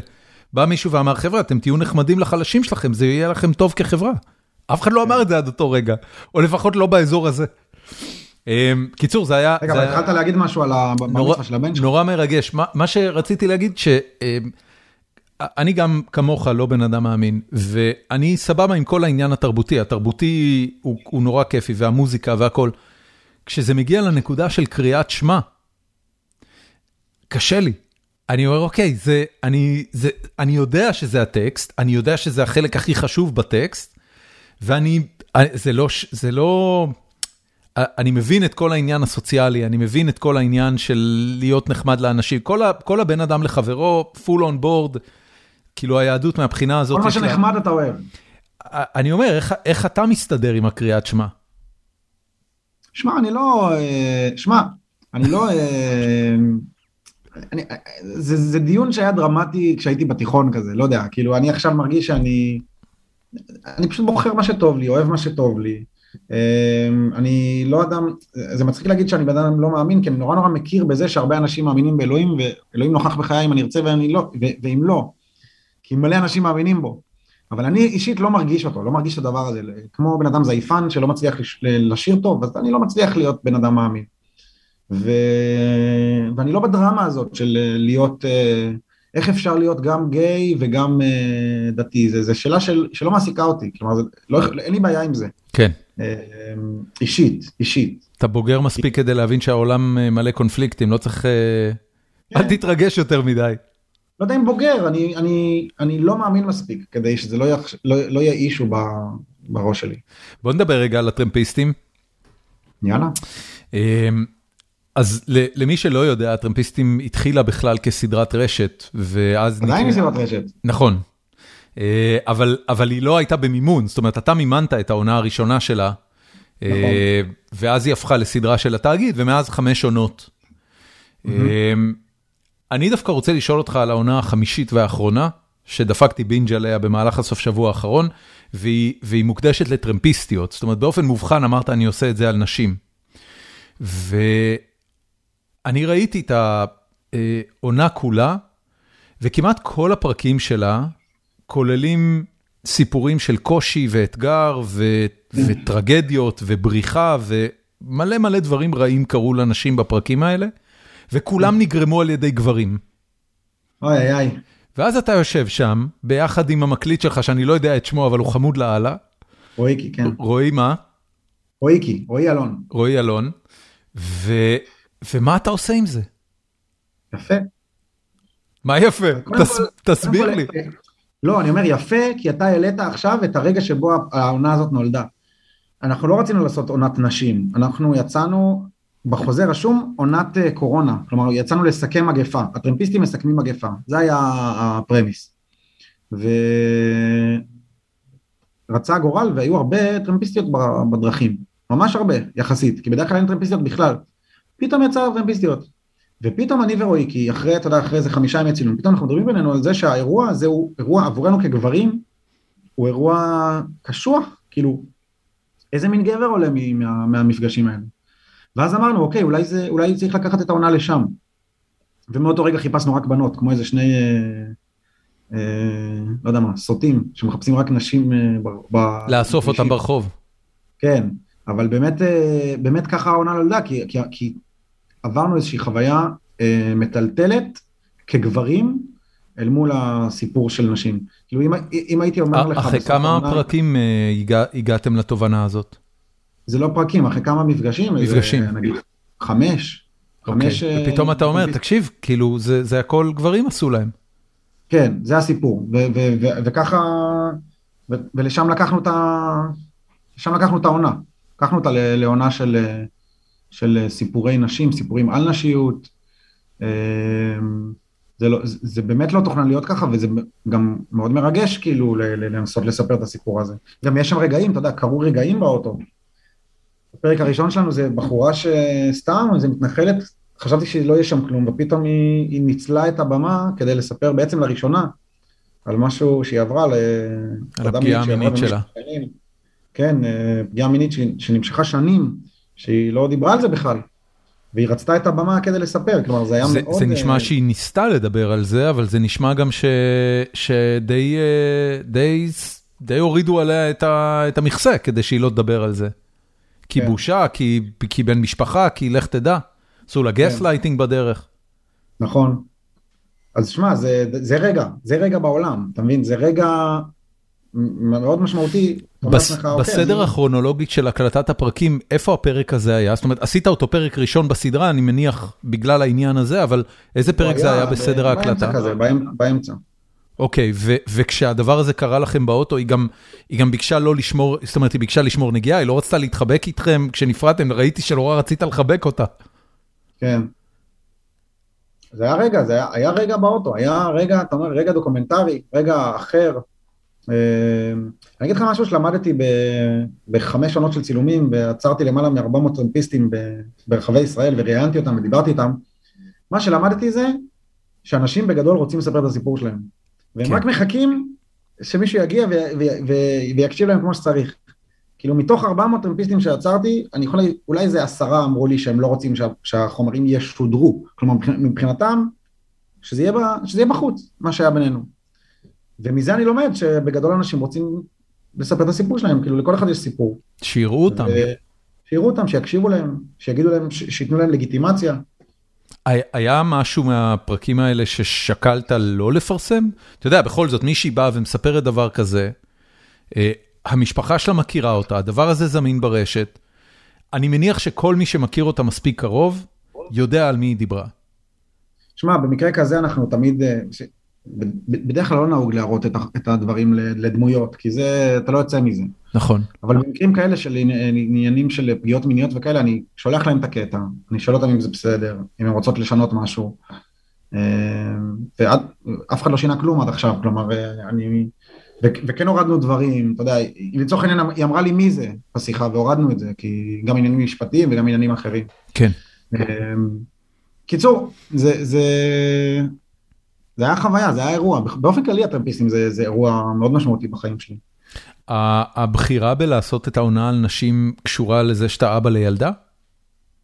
אה, לא, אמרתי לך, היא קשורה לזה שפתאום היה לנו אה, הרבה בנות יחסית, ו, וגם קלטנו שהסיפור הזה של הקורונה לא באמת מעניין, כלומר לאף אחד לא אכפת באמת מהקורונה כבר, מה אני עכשיו, כאילו רוב השיחות שלי ניסיתי לקחת לשם, למגפה, מה המגפה עשתה, מה התובנות וזה, וגיליתי שזה לא באמת מעניין, זה לא מעניין אותי, זה לא מעניין את הדמויות שלי וזה גם לא מעניין את הצופים. ואז פתאום עלה הרעיון אולי ללכת לכיוון של נשים, כלומר זה קרה במהלך הצילומים. היינו צריכים לאשר את זה מול התאגיד, לשאול שזה בסדר. אה, זה היה בלאגן קצת. הם היו בסדר? זה נוצר בצורה אורגנית. כן, הם שמחו מאוד. אז מה היה בלאגן? זה היה בלאגן כי אתה לא מביא להם את מה שאמרת שתביא להם. זה לא בלאגן, זה פשוט צריך לוודא שזה בסדר, זה לא... תעשה מה שאתה רוצה. כן, אתה, אתה אומר עוד אין לך את הקארט בלאנד של אה, סקורסזה. אה, בעניין טרמפיסטים נראה לי שכבר יש לי, אבל, אה, אבל, אבל כן, אני, אני עובד מול גוף שידור. תגיד, איך, איך, איך אתה מסתכל על עניין התאגיד? יש המון אנשים שמתלוננים שמדובר בכספי המיסים שלהם, ומה פתאום המדינה מממנת הפקות של תוכן.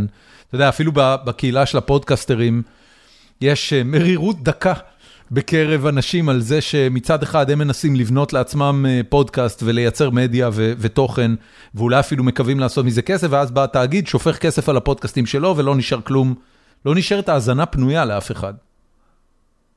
אמ, כן, תשמע, אני, בדברים האלה אני משתדל לחשוב על עצמי כצרכן ולא כיוצר. כי כיוצר זה בכלל לא שאלה שסוף סוף יש עוד מקום לעשות בו דוקו, לעשות בו סדרות, כאילו זה, זה בכלל, זה מטורף, כי תחשוב על, על, על ערוצי השידור בישראל, בקשת וברשת אין כלום, כאילו אין, אין דוקו. כן. מה יש דוקו על המיליונרים החדשים שמיליונרית אחרת עושה? כן. זה לא דוקו בחוויה שלי, זה לא פרויקט דוקומנטרי ש... ש... שמקבלים עליו כסף מקרנות. זה לא, זה לא קן ברנס, אתה אומר. לא, גם, אין, אין לי בעיה עם זה, זה בסדר גמור שהתוכן הזה יהיה, ואגב צפיתי בזה והיה לי מעניין מאוד, אני חושב שזה מוצר ראוי, פשוט זה הדבר היחיד שיש, כאילו, נכון. אין, אין שם עוד תוכן כזה, אם, אם זה היה חלק מנוף, אתה יודע, מרצועה יומית קבועה, אז, אז, אז בעצם אם אתה מוריד את התאגיד, אה, ואין לך יס דוקו, ואין לך יס או הוט, שזה זה אני, אני בן אדם פשוט, אין לי, לא מנוי לכלום, אז, אה, אז אין לי כלום. נשארתי בלי כלום. כלומר, אני חושב שזה מש, מאוד משמעותי שיש, אה, נקרא לזה, אה, כאילו, ת, מקום לצרוך בו תרבות אה, בצורה חופשית, אה, אני, ברמה הזאת. אני שמעתי, אני שמעתי את הפרק אה, שהקלטת עם ליאור פרנקל לפני אה, שנתיים, כמעט שלוש כבר. כן, יותר. אה, ו... ודיברתם שם הרבה על העניין של פשוט לבוא ולבקש כסף מהקהל. אה, התקדם אצלך משהו בעניין הזה? אה, לא, אני לא מסוגל להגיד אה, לאנשים לשלם על המוצר שלי במרכאות. אני כן אגיד להם לקנות את הספר שלי מההוצאה ההיא וההיא. כלומר, זה נגיד משהו שאין לי בעיה לעשות. זה קרה לי פעם אחת עם הסרט שלי על אומן שעשיתי, עשיתי סרט על אומן מאז, גם נכון, סיפרתי על זה אז. נכון, נכון, שניסית אז להפיק, כן. להפיק אותו, לערוך אבל אותו. אבל גם אז לא ביקשתי כסף מהקהל, כדי לעשות את הסרט, אלא ביקשתי מהקהל לצפות בסרט בתשלום. יש, יש הבדל כאילו ב, ב, במעמד. אוקיי. כאילו, לקחתי הלוואה, אה, הפקתי את הסרט, והצעתי אותו לצפייה. זה היה משתלם? זה היה מאוד משתלם. ואתה חושב לעשות ככה סרטים גם, גם בהמשך? לא, כי, כי זה היה משתלם, אך גזל ממני אנרגיות נפשיות אה, משוגעות. כלומר, אני מעדיף לקבל כסף, סרט זה דבר יקר, זה דבר שאיך שלא תסובב אותו, אתה תצא ממנו עם 300 אה, אלף שקל, 150 אלף שקל אם אתה ממש ממש קמצן. כן. אני מדבר על סרט דוקומנטרי באורך מלא. כן. כי מה לעשות, משמרות עריכה עולות כסף, ומשמרות סאונד עולות כסף, וימי צילום עולים כסף, וגרפיקה וכתוביות, וצבע ופוסטר, זה דברים שעולים כסף. וזה מתיש מאוד לנסות להשיג את הכסף הזה בדרך, אה, כלומר, אנחנו לא בארצות הברית שיש מלא כסף ואולפנים ומלא קהל ומלא זה, המודל פה הוא אחר, כאילו אין הרבה קהל, אין הרבה צרכנים. אני, אני אתן לך דוגמה, יש עכשיו סרט שאני נורא נורא נורא נורא נורא רוצה לעשות, סרט עלילתי שמבוסס על הלידה השקטה שאשתי ואני עברנו, ומאוד מאוד מאוד מאוד מאוד, אה, כאילו, אני מאוד, אני מאוד מחובר אליו, obviously, כן. הוא גם טוב, איך אני יודע שהוא טוב? כי הגשתי אותו כבר לכמה מקומות וכולם, כל, ה, כל החוות דעת של הלקטורים שקראו את זה מדהימות. ועדיין כל פעם שאני מגיע למעמד הפרזנטציה, אני לא מצליח להשיג לו מימון. מה לא אתה מצליח. חושב קורה שם? אה, אם אני אגיד מה קורה שם, את דעתי, אז אני אה, לא אקבל... לא, לא, לא דעת, אוקיי, הבנתי. אבל מה אני קורא, מה אני חושב שקורה שם? פוליטיקה, כאילו, לא יודע, זה, מה אני יודע? אבל אתה, אתה golden boy, אתה, אתה יודע, סם שפיגל, מצטיין, טרייבקה. אני, אני מתחרה שם מול הבמאים הכי גדולים בישראל, כאילו שהם גם רוצים לעשות סרט. כן. בדיוק כמוני. ואני מקבל לא בדיוק כמוהם, כלומר אני לא חושב, יש על כל הגשה בקרנות האלה, יש נגיד ארבעה סרטים שמקבלים ואיזה 200 הגשות, זה המספרים. אז אתה מבין, זה צריך להיות, צריך להיות מטורף כדי להצליח להשיג את המימון הזה. כשאתה, כשאתה רואה בסוף את הסרטים שכן נעשים, אתה, אתה מבין, אתה מבין למה כן. בכלל לא בחרו? אתה מרגיש שכאילו התוצרים שיוצאים מהקרנות האלה הם כאלה טובים? שמע, אני לא, אני לא יודע, אני לא יודע אם הסרט שלי יצא כזה טוב, לעשות סרט זה דבר מאוד מאוד קשה.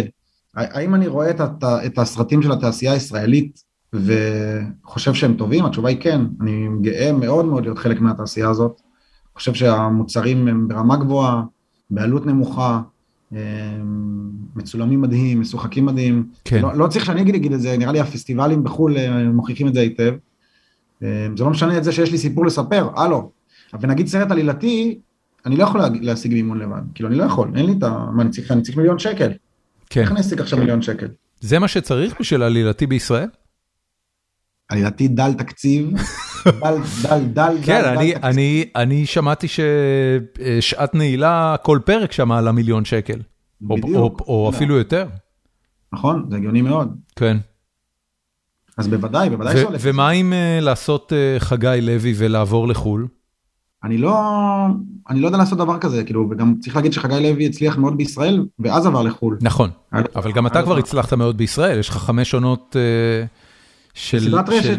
כן, אבל עדיין, תוכן זה תוכן, בן אדם, למי אכפת סדרת רשת? לא, אפשר לחשוב שכולם רואים את זה היום. עובדה שאף אחד לא התקשר אליי מאולפני פרמונט ואמר לי, בוא תעשה, כאילו, אתה מבין? כן, לא- כן, כן. אני, שמע, לי יש סיפורים לספר. וכל שביל שבהם אני אמצא את ה... כלומר, כל שביל שאני, שבו אני אוכל לספר אותם, אני אצעד בו. וכרגע השביל שאני מכיר הוא השביל של התעשייה הישראלית, של הגופי שידור, קרנות, אה, פרזנטציות, הגשות. זה האקוסיסטם. אתה, אתה מתחנן לכסף. ואם ייפתח לי שביל אחר, שיביא לי כסף לעשות את הסרט שלי, מה זה, זה יהיה מטורף. אתה, אתה חושב שיש לזה סיכוי בישראל שטלוויזיה מסחר... אתה יודע, אני, אני, אני מנסה להסתכל על הדבר הזה ואני אומר, אוקיי, איך זה יכול להיות טוב יותר? איך יכול להשתנות משהו ש, שמצד אחד יש לו את הסוציאליזם הבולשביקי של המדינה נותנת כסף ללקטורים ולקטורים קובעים מה יהיה בקולנועים, ומצד שני יש לך ערוצים מסחריים שממש מחראים את הכל בפרסומות וב... וברדוד ופופולרי וזה, רק כדי שיצפו בהם. אבל יש עוד עולם שלם, אתה יודע, תחשוב, רוב הישראלים, אני, אני מעריך, אני לא יודע להגיד את זה בוודאות, אבל לדעתי רוב הישראלים היום רואים את התוכן שלהם בפלטפורמות שהן לא הפלטפורמות האלה. הם לא רואים בקולנוע בישראל, והם לא רואים בערוצי המיינסטרים. הם רואים ברשת, בוודאי צעירים, כל הקהלים הצעירים זה, זה טיק טוק, זה יוטיוב, זה, זה רשתות חברתיות, אינסטגרם, זה לא המקומות שבהם הגופים האלה מייצרים את התוכן.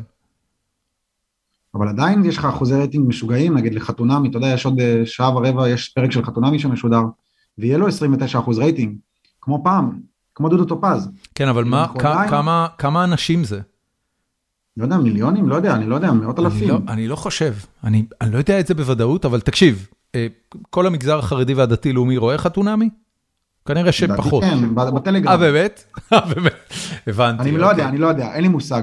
אני יודע שנגיד, אה, זה נכון שתוכן עכשיו מגיע בצורה אחרת, אבל אנחנו לא מדברים על תוכן, אנחנו מדברים על כסף לתוכן. כן. וכסף לתוכן, אה, אין לי מושג מה המודל הכי טוב ל- ל- ל- להגיע אליו.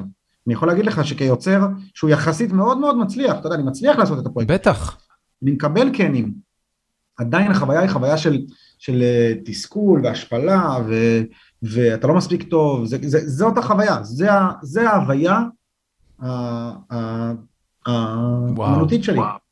זה מבאס נורא. כן, אם אני אראה לך את ה desktop שלי, אתה תראה בו אה, ארבע תיקיות. יש פה תיקייה שקוראים לה אה, פרויקטים שקורים, שיש בתוכה נגיד אה, איזה שישה דברים, שהם עכשיו כאילו בשלבי עשייה שונים. יש בו תיקייה שנקראת פרויקטים שיקרו, שהיא מפוצצת בדברים שאני מקווה איכשהו שיום אחד יקרו. יש פה את הפתיקייה שנקראת פרויקטים שקרו, כלומר דברים שכבר צילמתי, כבר הפקתי, כבר נגמרו, זהו, הם מאחוריי, ויש פה את התיקייה הטראגית, ששמה פרויקטים שלא יקרו, שזה כבר הגשתי אותם שלוש פעמים. היא הכי לא- מסקרנת אותי, אתה יכול לספר לי מה יש בה? בוא נראה, פרויקטים שלא יקרו. יש בה אה, סדרה על הסכסוך שרציתי לעשות. לא, לא זאת על, ה, על, לא, על לא השפה. זאת, אבל אתה מבין? זה בעצם אומר שזה קרה. אה, יש בו אה, ס- אה, סרט VR שרציתי לעשות, VR, יש בו VR, כן, איפה? כאילו במה, ביד ושם, ביד ושם, רציתי זאת אומרת לעשות סיור. מסע ביד VR ביד ושם. למה שזה בו- לא יקרה? לא יודע, הגשתי, ביקשתי, פניתי, לא קרה. הבנתי. אתה הדרכת ביד ושם, נכון. וזרקו אותך משם. רבת עם המנהלת. עשו לי התעמרות במקום העבודה. באמת? באמת? מה זה התעברות? מה אמרו לך? לא, התעללו בי חודשים, אני ממש, אני ממש מצולק. תדע לך שאתה תשים אותי ביד ושם עכשיו, אני אתכווץ כמו אה, בן אדם שעבר אה, שואה. אה, טראומה מאוד, טראומה מאוד אני- כמו שבן אדם לא- שעבר שואה. אה, אתה- באמת, אתה- מודע לאלמנט הקומי שאתה עובד בבית השואה, ביד לא ושם. ומישהי מתעללת בך, ואתה חושב לא. לעצמך, זה לא יאומן, שמע, אם זה היה מצחיק, זה היה מצחיק, סתם, אני צוחק, זה באמת מטורף, כי, כי המקום הזה, אני מכיר אותו היטב, כל כך רקוב, אתה לא, אתה לא מאמין. מה כאילו- רקוב בו? המקום, יד ושם הוא מקום רקוב, מקום, כמקום עבודה, מקום מגעיל, מקום עם אנשים קשוחים, מקום שהדרך בו למעלה רצופה בלרצוח אנשים אחרים, מקום ללא נדיבות. אני אומר את זה loud and clear, אני מכיר את יד ושם, מכיר את המסדרונות של יד ושם, מכיר את המנהלים והמנהלות ביד ושם, ואני אומר לך, המקום הזה, משהו שם חולה מהיסוד. כאילו, וואו, אני אומר לך, אני מכיר את זה, זה- מ- זה נשמע נורא. זה מטורף, זה מטורף. זה כמה זמן מטורף. עבדת שם? עבדתי שם איזה ארבע שנים. וכמה זמן הייתה, הייתה, אתה יודע, החלק הממש גרוע שבגללו בסוף עזבת? שמע, אני עברתי שם התעמרות, לא, לא בצחוק, כאילו, אני, אני הייתי אחד המדריכים הכי מוערכים שם. והייתה שם מנהלת שהחליטה שאני לא בא לה בטוב בלי שום סיבה, והיא פשוט החליטה לה- להפיל אותי. כאילו, היא החליטה, הוא לא יעבוד פה. היא עשתה את זה בצורה הכי, הכי הזויה בעולם. יש לי מיילים ששלחתי למנכ"ל יד ושם, עם הוכחות, שאני צודק, אתה יודע, עם משובים, עם דברים, ש, שסתם מתעמרים בי. והוא כתב לי אין מה לעשות, כאילו אפילו הוא אמר לי, צר לי, צר לי, זאת, זה, זה מה לעשות, אני רק מילאתי פקודות, סתם. אה, מקום מאוד מאוד מאוד רע, מאוד רע, ואז החלטת לעזוב? כמקום עבודה, ואני אגיד עוד משהו, שזה מוזיאון מדהים, כלומר אחת העבודות הכי מרגשות שהיו לי בחיים, כי המוזיאון, המוזיאון, כ- כמוזיאון, פשוט מקום מדהים, כל כך הרבה מחשבה יש בו, וכל כך הרבה חוכמה יש בו. אני, אני, לא יכול, אני לא יכול לתאר לך כמה אה, אירוניה וסרקזם יש במה שאתה מתאר כרגע, זה, זה כאילו, נכון. זה, זה ממש מפוצץ לי את המוח, אתה לא צריך להגיד לי, זה, אני, אני חייתי את זה, זה פשוט נורא. יואו, זה מטורף. ויש לך. חברים שעוד עובדים שם? אתה עוד בקשר עם אנשים? אני בקשר עם עוד אנשים שעובדים שם, אני בעיקר, אתה יודע, פעם כתבתי על זה משהו ופתאום הגיעו לי לפייסבוק, יעני. בקיצור, אתה. אתה סופר את הדקות לפרק של עובדה על מה שקורה ביד ושם, זה מה שאתה אומר. אני לא חושב שזה יהיה ככה, כי... כי עמרי זה- אסנהיים לא יפתח את הקופת שרצים הזאת אף פעם? זה לא כזאת קופת שרצים, זה פשוט מקום עבודה מחורבן, עם יחס אנושי קשוח ביותר. אה, זה דבר ששווה כותרת? אני לא חושב. כאילו, אני לא יודע, תראה, בתאגיד עשו מזה בלאגן לא נורמלי. אבל זה לא, בר... זה לא ברמה כזאת, זה פשוט במקום, אה, זה לא, זה לא ברמה של כזה, זה פשוט מקום מגעיל כזה, קשה להסביר את זה, הכל, הכל, זה נשמע שוב מצחיק, אבל הכל חוקי שם, כאילו הכל בסדר, הכל קשה. כן? תקשיב, אני לא- אני לא יכול להירגע מזה. קישון כתב המון על המקומות האלה, שבהם איזה- פקיד קטן עם כוס התה שלו, אה, הופך לדיקטטור מרושע. זה כאילו סצנה. קלאסית, זה The Office, עשו על זה The Office, עשו את זה על הרבה דברים. נכון. הפקיד המתעמר, זה זה דמות אה, זה דמות קלאסית בספרות ובתוכן יש לך המודרני. בנוף הזה את השואה, את שואת העם היהודי. בדיוק. אתה אומר, אם יש מקום שצריכה להיות בו חמלה לבני אדם, ולא, אפילו שם יש התעמרויות. כן. אז תשמע, אני כש- מקווה להגיע למצב נפשי שאני אוכל לצחוק איתך על זה ב... לא... אני בלי- נורא מצטער שאני צוחק, אני מקווה שאתה לא נעלב לא, לא, מזה, לא. אני פשוט לא יכול שלא. זה זו סיטואציה כל כך הומוריסטית, אתה קולנוען, אתה כן. אמור להעריך את זה. אני מאוד מעריך את זה, אני רק אומר לך שאני עדיין, באמת בלי צחוק, אני עדיין בטראומה מהיחס שקיבלתי שם. כשמישהו. היה, כשמישהו היה אה, מתעמר בך, אז היית משווה אותם לגסטאפו? לא, הייתי משווה את זה, לא באמת, זה נשמע מצחיק, אבל בסוף זה מקום עבודה. כן, כמו מקום כן, לא, לא. זה- זה בוודאי אמור להיות אה, מקום עבודה מכובד. פשוט כן, קשה לו להיות אירוני. אני, אני את השירות הצבאי שלי עשיתי בבסיס צבאי ש, שתמיד הזכיר לי יותר פרקים מהסדרה מש מאשר כל דבר אחר. אתה יודע, עם איזה, עם איזה רס"ר ש... הבסיס בתכלס היה בסיס עירוני, הייתי ג'ובניק, היינו תקועים במרכז הכרמל בחיפה. והיו שם כל מיני קצינים פליטים של יחידות שדה שהיו באים בשלוש לפנות בוקר לבדוק שאנחנו לא נרדמים בש"ג. ובן אדם, אנחנו fucking על שדרות הנשיא בחיפה, כאילו, לא, לא, אתם לא יודעים מי יכול להגיע באמצע הלילה. אוקיי, אוקיי, כאילו, קשה היה לו לראות את, ה, את האירוניה ואת כן. ההומור בדבר הזה. ובאמת, הם היו, הם, היו, הם היו אנשים קצת מסובבים, כאילו, אתה אומר, אוקיי, זה... אם אתה לא מסוגל לראות את, ה, את ההומור שבקיום שלך בתור בן אדם שבא ובודק את המוכנות ואת הערנות של חיילים במרכז הכרמל, אז אחי, זה ממש גבעת חלפון. אמ, כן, אז שמע, זה, זה מצחיק שהגענו ליד ושם, אבל uh, אני בהחלט עבדתי ביד ושם, ובהחלט uh, הייתי שמח להמשיך לעבוד שם. תדע לך, כאילו, מאוד אהבתי את העבודה הזאת, זו הייתה עבודה שלי מחובר אליה. אמ, אבל עשית את זה, עשית את זה במקביל אה, לקריירה הקולנועית שלך, או ש... לא, עשיתי את זה כשהייתי סטודנט, זה כאילו התחיל כעבודת סטודנט. בסם שפיגל. כן. אוקיי. הייתי שם כזה שלושה ימים בשבוע, לימדתי, זה היה לי נורא נורא משמעותי. וגם אחרי, גם אחרי הלימודים אז קצת המשכתי, ואז אה, העיפו אותי. מעניין. תגיד, מי המודלים לחיקוי שלך? כשאתה מסתכל היום בעולם, או בארץ או בחו"ל, ואתה אומר, בואנה, זה, זה המודל, זה קריירה, זה התוכן, זה, זה היצירה. זו שאלה טובה, כי אני, אה, יש לי הרבה כובעים, אה, הרבה, הרבה עניינים. כאילו, אני, אני גם כותב ספרים, אני גם... אני, אני מאוד מאוד מאוד מעריץ את חגי לוי כ, כיוצר, כאילו זה ממש מרגיש שיש לו כזה קול, ושהוא הגיע למצב ש, שמה שהוא יעשה, ייתנו לו לעשות את זה וגם זה יהיה טוב.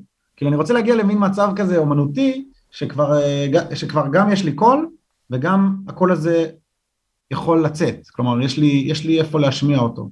כרגע החוויה שלי שאני לא יודע מה הקול שלי, ושכבמאי, ושאני מאוד מתקשה להוציא אותו כבמאי.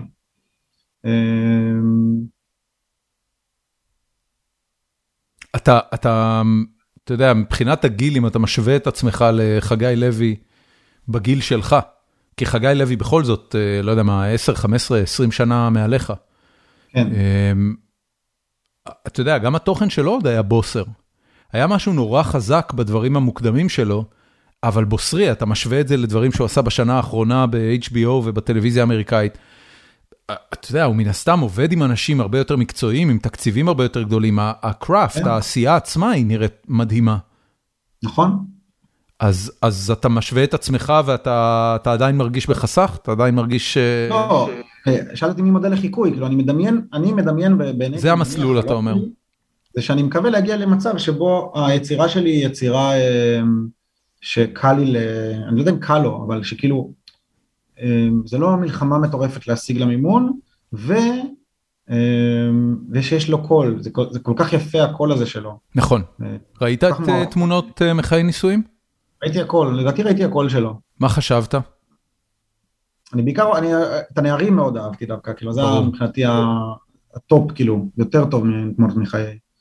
אמ, כאילו הנערים מבחינתי זה מין פסגה של יצירה שמצליח להביא אה, גם ready made מתוך המציאות, יחד עם רגשות כל כך זה, ויחד עם מורכבות כל כך יפה.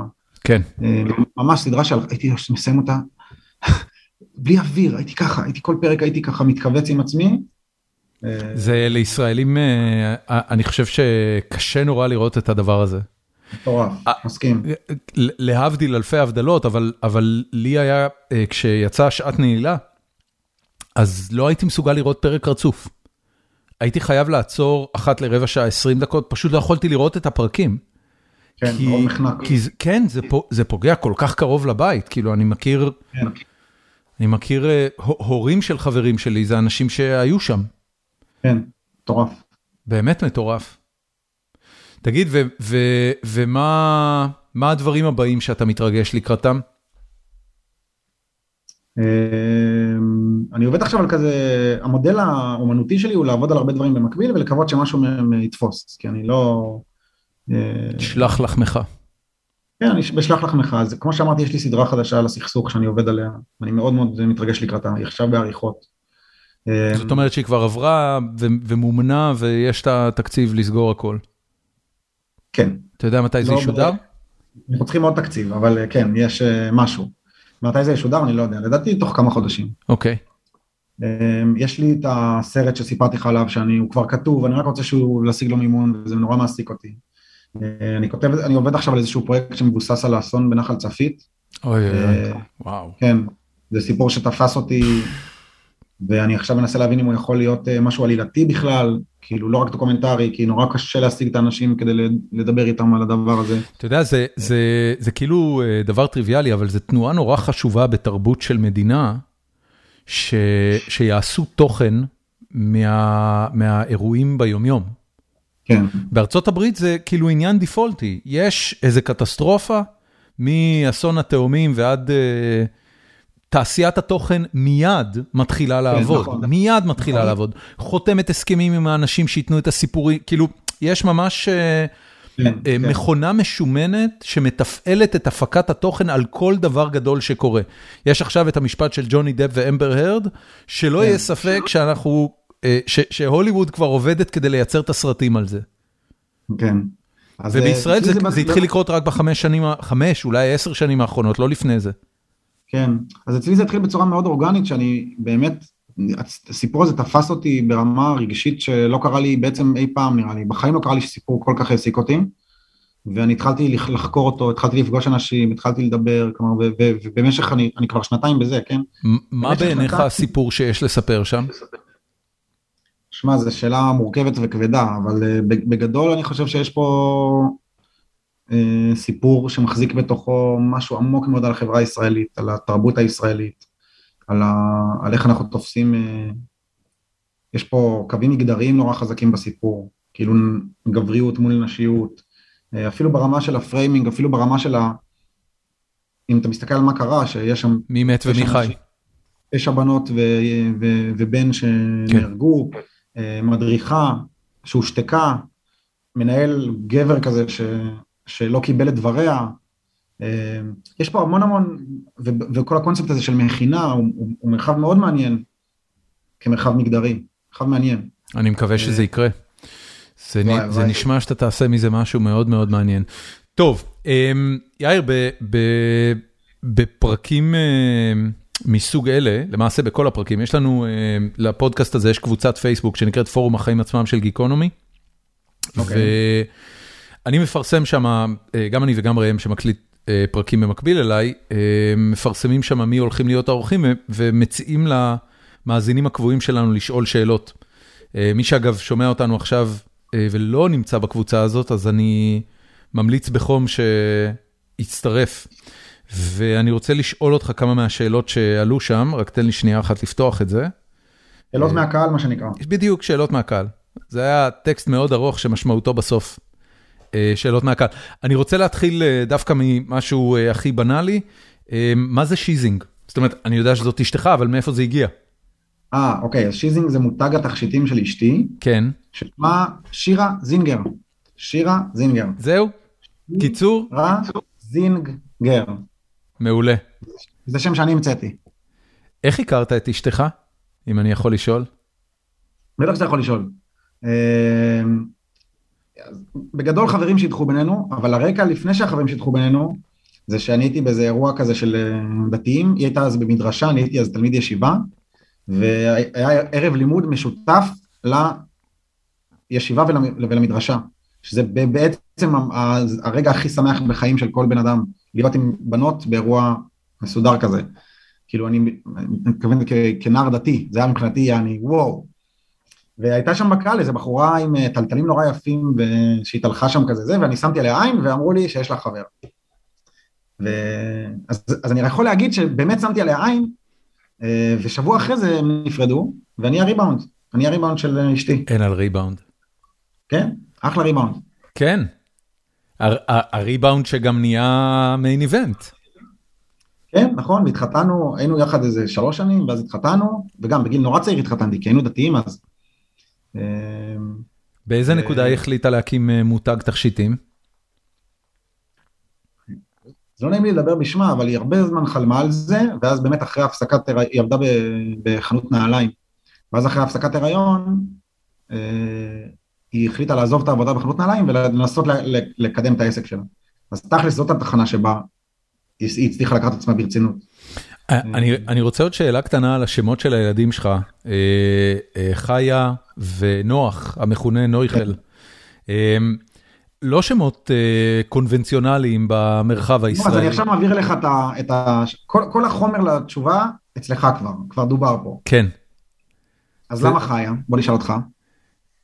אני, אני יכול לחשוב על כמה וכמה סיבות, אבל אני לא יודע מה הסיבה האמיתית.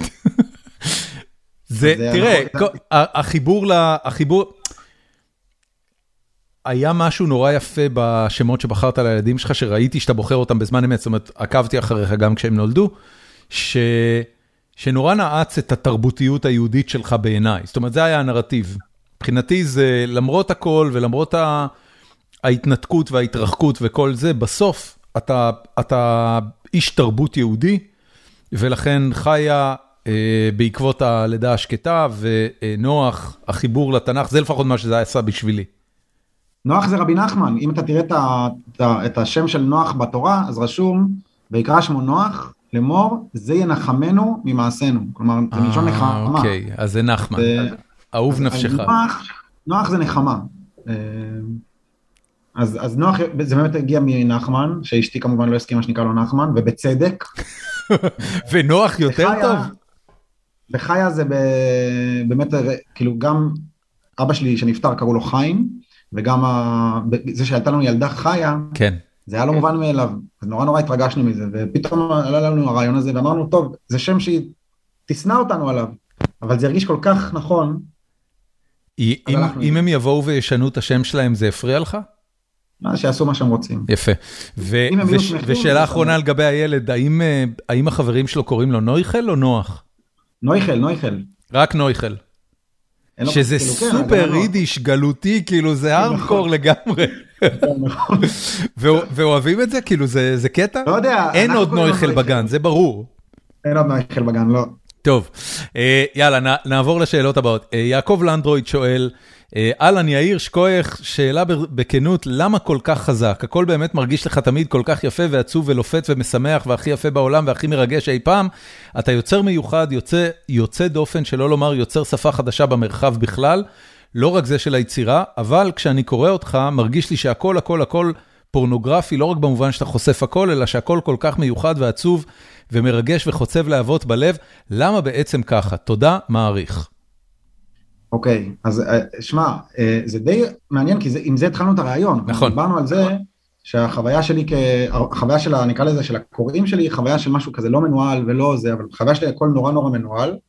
אני כן, ולזה אני מודע, אני כן נורא נורא מתרגש מדברים במרחב, כלומר אני יכול לראות איזה מישהי אוכלת עוגת גבינה בבית קפה, וזה ירגש אותי, ב... באמת זה ירגש אותי, אני, אני אראה אותה ואני אגיד וואו, כאילו אף אחד לא אכל עוגת גבינה כמו האישה הזאת. וברור שיש בזה מימד רומנטי ואירוני ושמגזים קצת את המציאות, אבל בעיניי זה מה שיוצר עושה, יוצר טוב עושה, הוא, הוא, הוא, הוא, הוא ממרקר איזה רגעים כאילו לא משמעותיים, אה, ואומר לך תראה, תראה אותם, זה, זה נקרא קלוז-אפ בעולם הקולנוע. זה נקרא geeking out בעולם שלי. אוקיי, גם טוב. כן. אז התשובה היא שאני, שלמה ככה חזק? כי אני גם די חי ככה, וגם מאוד מאוד אוהב לתווך את המציאות ככזאת. כי, כי אגב, הרבה משוררים זה מה שהם עושים. ברור, ברור, ברור. מסתכלים על מלא, וצנח לו זלזל. האקט של יצירה תרבותית הוא אקט של קלוז-אפ על משהו. חייב נכון. להיות, אחרת אין כלום, אחרת יש משטח כן, הומוגני שלא רואים בו כלום. יש את השיר היפה הזה של למדני אלוהי ברך והתפלל על סוד עלה קמל, על נוגה פרי בשל. נוגה פרי בשל, גם, ללאה גולדברג הייתה אומרת את זה? כנראה שלא, כי זה מה, שמשוררים עושים, הם, מת, הם מת, מתרסקים אל מול פרי בשל. כן. לי לקח המון שנים אה, לגשר על הפער שבין כמה... כמה חבר'ה שכתבו שירה בתיכון נתפסו בעינינו כחנונים, לבין כמה משוררים נתפסים כעילית תרבותית כן. בתרבות עצמה. והרגע הזה שבו החנון של התיכון שכתב שירים למגירה הופך למשורר לאומי, אני לא ראיתי אותו אף פעם קורה. זאת אומרת, אתה מכיר מישהו מה, מהגיל שלך שהפך למישהו כזה? לאומי? לא יודע, מישהו שעבר תהליך של אה, רוממות, להיות אליטה תרבותית, בעוד שבילדות שלו, אה, אה, הוא לא היה כזה, הוא לא, אתה, אתה יודע, זה סתם, כאילו היה עוד מישהו בכיתה שהיה כותב שירים למג... אתה, אתה מבין כאילו את הקונספט, הרי באיזושהי נקודה זה קורה. באיזושהי נכון. נקודה הגולם הופך לפרפר וכולם רואים את יופיו. ואני עוד לא ראיתי אחד כזה בדור, כאילו בין גילי, לא היה לי במחזור אחד כזה. אתה כזה קצת, כאילו אתה מתאר חוויה ילדותית שהיא נורא אאוטסיידרית והיא נורא, אתה יודע, אולי יאיר לא היה מקובל ולא היה... אה, לא, הייתי מקובל, הייתי מקובל. לא היית מקובל, אוקיי, לא היה לך עניין כזה. אבל היה לי אישוז, היה לי אישוז שהייתי צריך, אתה יודע, לנהל אותם כבן אדם מקובל, שאף אחד לא ידע שאימא שלי מנקה. אוקיי. החוויה שלי, אני לא הייתי לא מקובל. אה, אני, אני כן רואה אנשים שאני מכיר הופכים לאנשים ציבוריים, אה, לא יודע אם ענקי דור, אבל כן. אנשים שאני מכיר אישית, וזה, זה תמיד נורא מרגש ומשמח. טוב, שאלה הבאה, אוהד שלו, היו, היו לא מעט שאלות מהמאזינים שלנו על... על הטרמפיסטים, ויותר ספציפית על מאחורי הקלעים של הטרמפיסטים. כן. באמת מעלים רנדומלית אנשים לטרמפיסטים, או שיש איזשהו תחקיר מקדים?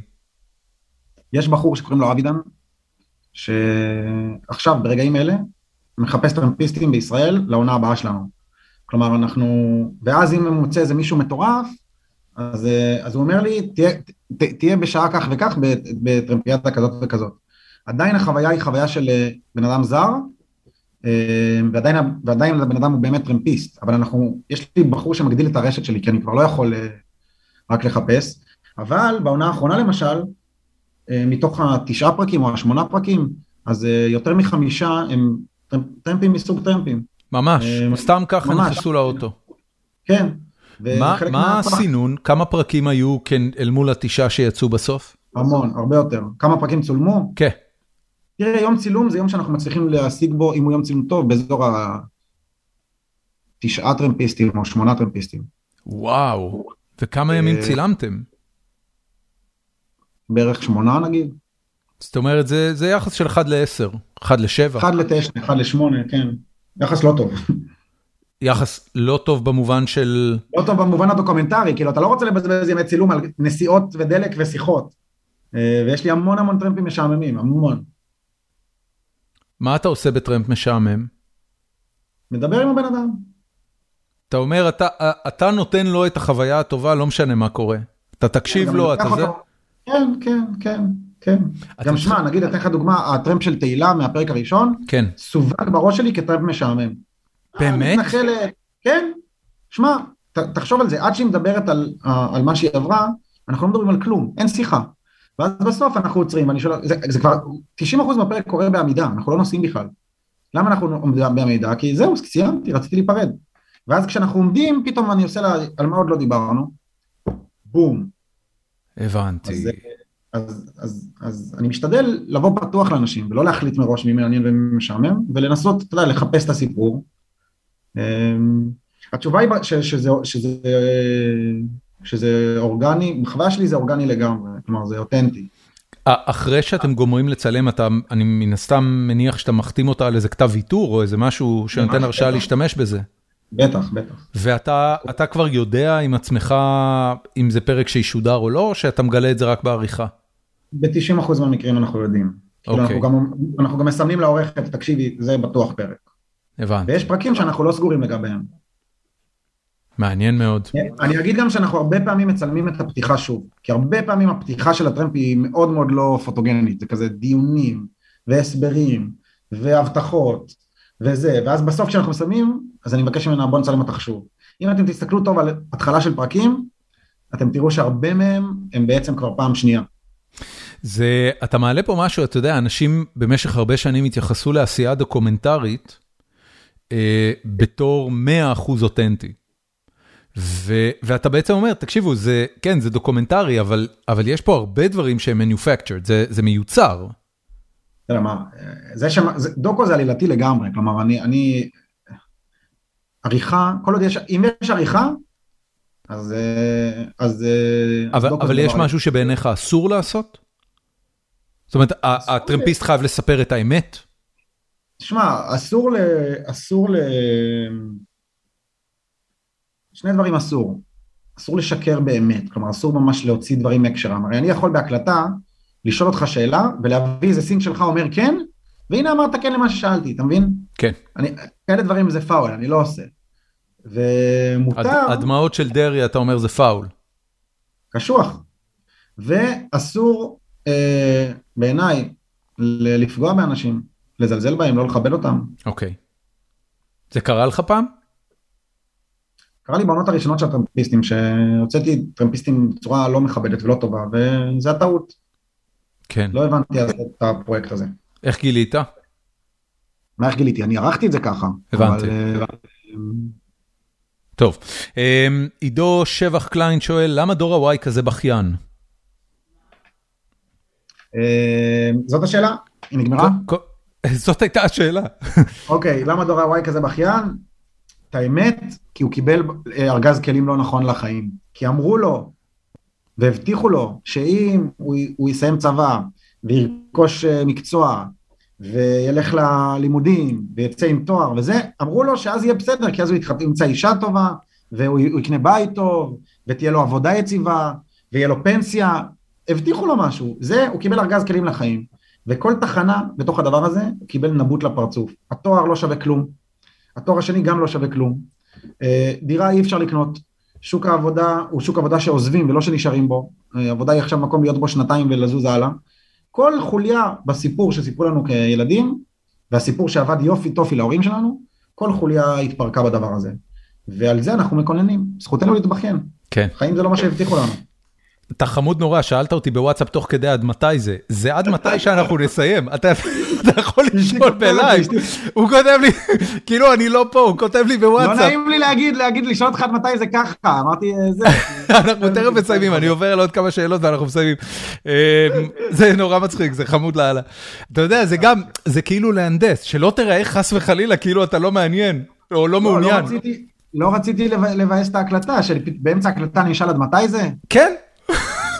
לא, זה לא, מה שאנחנו עושים פה, אנחנו מקליטים לייב, ככה הפרק יוצא גם, אנחנו לא מסננים החוצה כלום. הכל טוב, הכל טוב, אני איתך, אני רק אומר ש... יאללה, אני ארוץ על השאלות מהר. אה, אלחנן שוקי שוקרון שואל, אה, מתי עוד עונה של הטרמפיסטים? בקרוב, אני מקווה, בדצמבר. יופי. אה, יצא לך לשמור על קשר עם מישהו מהטרמפיסטים? אני עם המון מהם בקשר. מהמם. עם הרבה מאוד. היה משהו שהיה כאילו פולו-אפ משמעותי? שעזרת להם, או שכאילו היה מישהו ספציפי? מה, פרק הסיום של העונה האחרונה שלנו של ירדן, כן. אז uh, אני אגיד בצניעות שהוא שינה את החיים. שינה את החיים ברמה החברתית, הוא שינה את החיים ברמה הכלכלית, הוא שינה את החיים ברמה של העמדה שלה אל מול המשפחה שלה. Uh, יש איזה שוטר שהתלבש עליה, והחליט שהוא הוא עושה לה חיים טובים. הוא הגיע עם חבורה של אנשים לשפץ לה את הבית, הוא קנה לילד שלה צעצועים, הוא דואג לה, הוא, הוא דואג לה יותר ממני. רק כי הוא ראה אותה בטרמפיסטים. אז בוודאי שה, שהדבר הזה מתגלגל אה, ל, ל, למקומות uh, מדהימים. Uh, בוודאי שאני שומר על הקשר עם הדמויות שלי, כי הן חשובות לי. Uh, נמשיך, מיטל שטדלר שואלת, מה הכי הפתיע אותך באבהות?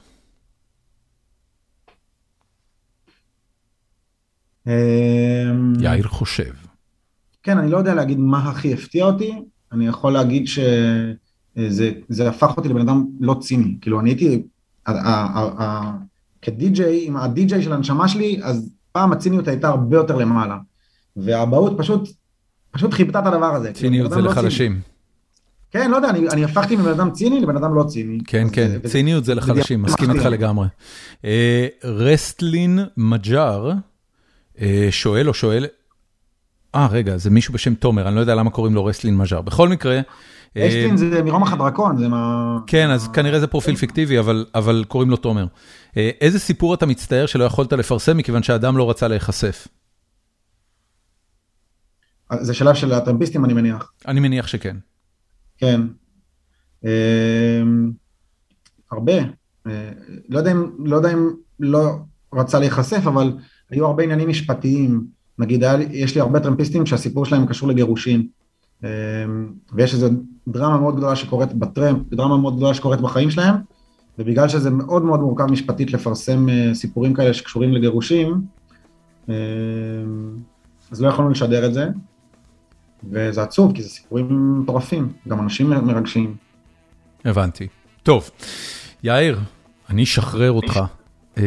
רגע, כל זה שודר עכשיו בלייב איפשהו? לא, זה מוקלט, וזה יעלה ב-7 בבוקר שעון ישראל כפרק אה, בפודקאסט שלנו, ואני אשלח לך לינק ברגע שזה יהיה מוכן. אבל אני, אני גם צריך לקחת תמונה. טוב, אנחנו נעשה את זה תכף. אה, תקשיב. רגע, על מה אני מתחרט? על יד ושם, נראה לי יד ושם יסבך אותי, אבל בסדר, fuck it. שום דבר לא יסבך אותך, כולם כבר יודעים לא, הכל. לא, מה זה יסבך אותי? כבר ב-2019 בפרק עם פרנקל דיברת על הטינופת של יד ושם, מה כבר יכול להשתנות? אה, כן, כן, כבר דיברתי על זה? בטח. בטח, בטח. לא ככה, אגב. הלכת צעד קדימה. וואלה, לא מתחרט על כלום. כל מה שאמרתי, פי אלף. אוקיי. יאיר, המון המון המון תודה.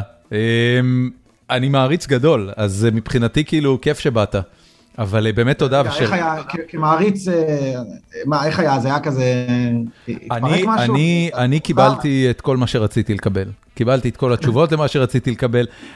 אני, אתה יודע, אם היינו יושבים על בירה, אז היית משתחרר אולי יותר. אבל uh, היית, היית כאילו טיפה מוגן, אבל אתה אחלה, מה, זה, זה הבן אדם, ככה אתה. אתה נשמה טובה. לא, לא הרגשתי מוגן, הרגשתי כאילו זה אני, באמת זה. זה לגמרי אתה, זה לגמרי אתה. המון תודה.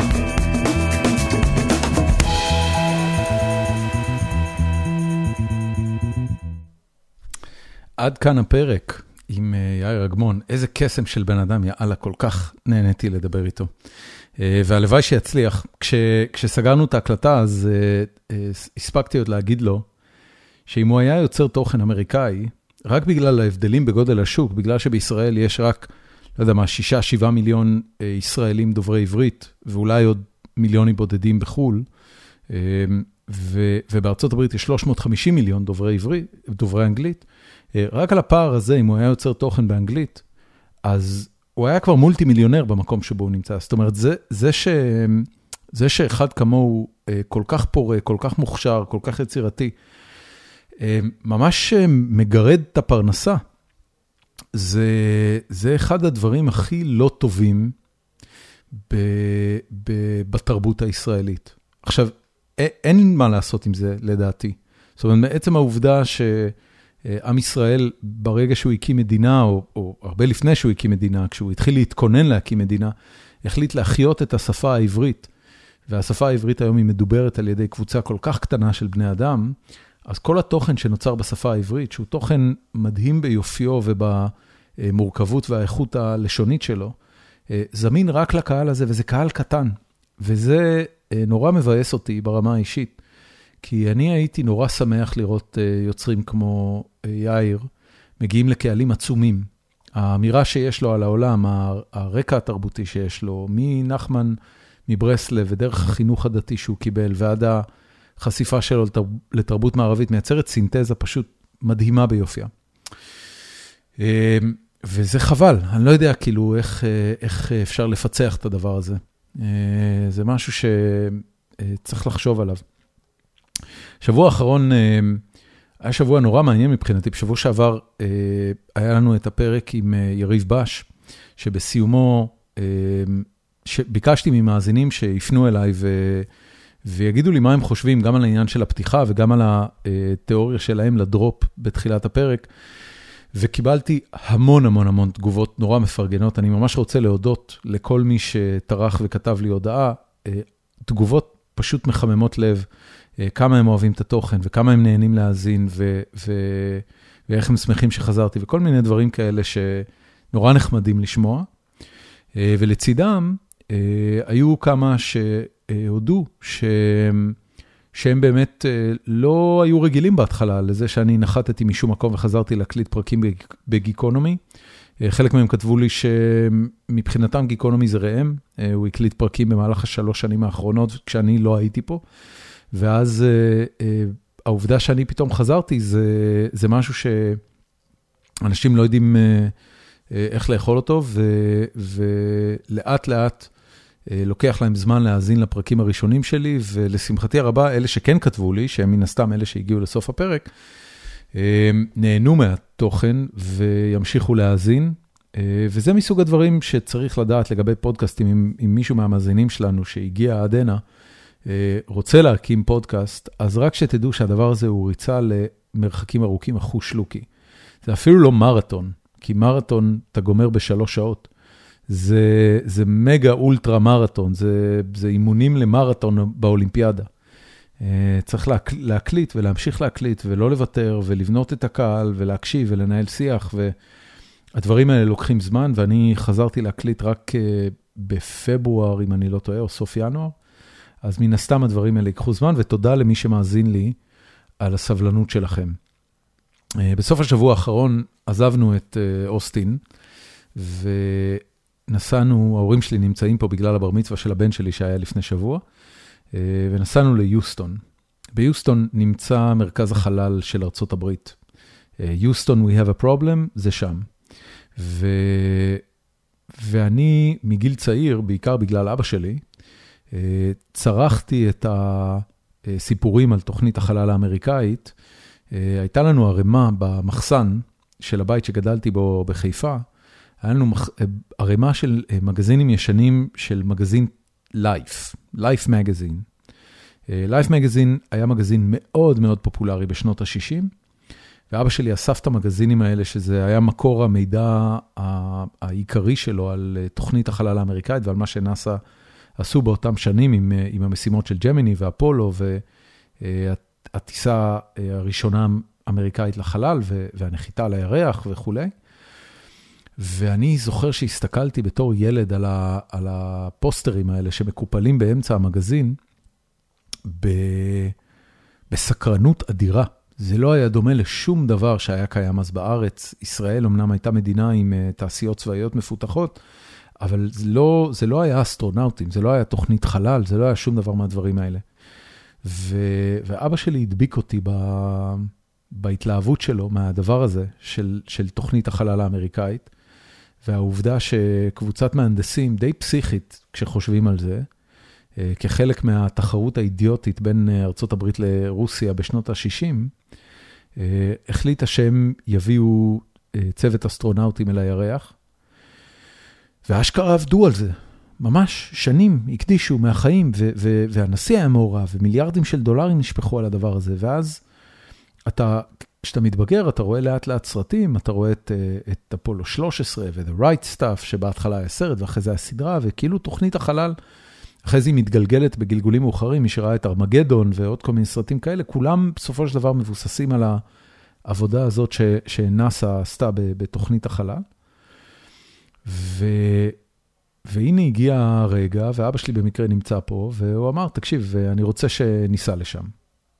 אז דאגנו לנו לאיזה Airbnb ביוסטון, ולקחנו את הילדים הממורמרים שלי שלא רוצים לנסוע לשום מקום, כי יש להם הכל בבית, ושמנו פעמנו ליוסטון, שהיא עיר גדולה ומגניבה לאללה, ולידה יש את מרכז החלל.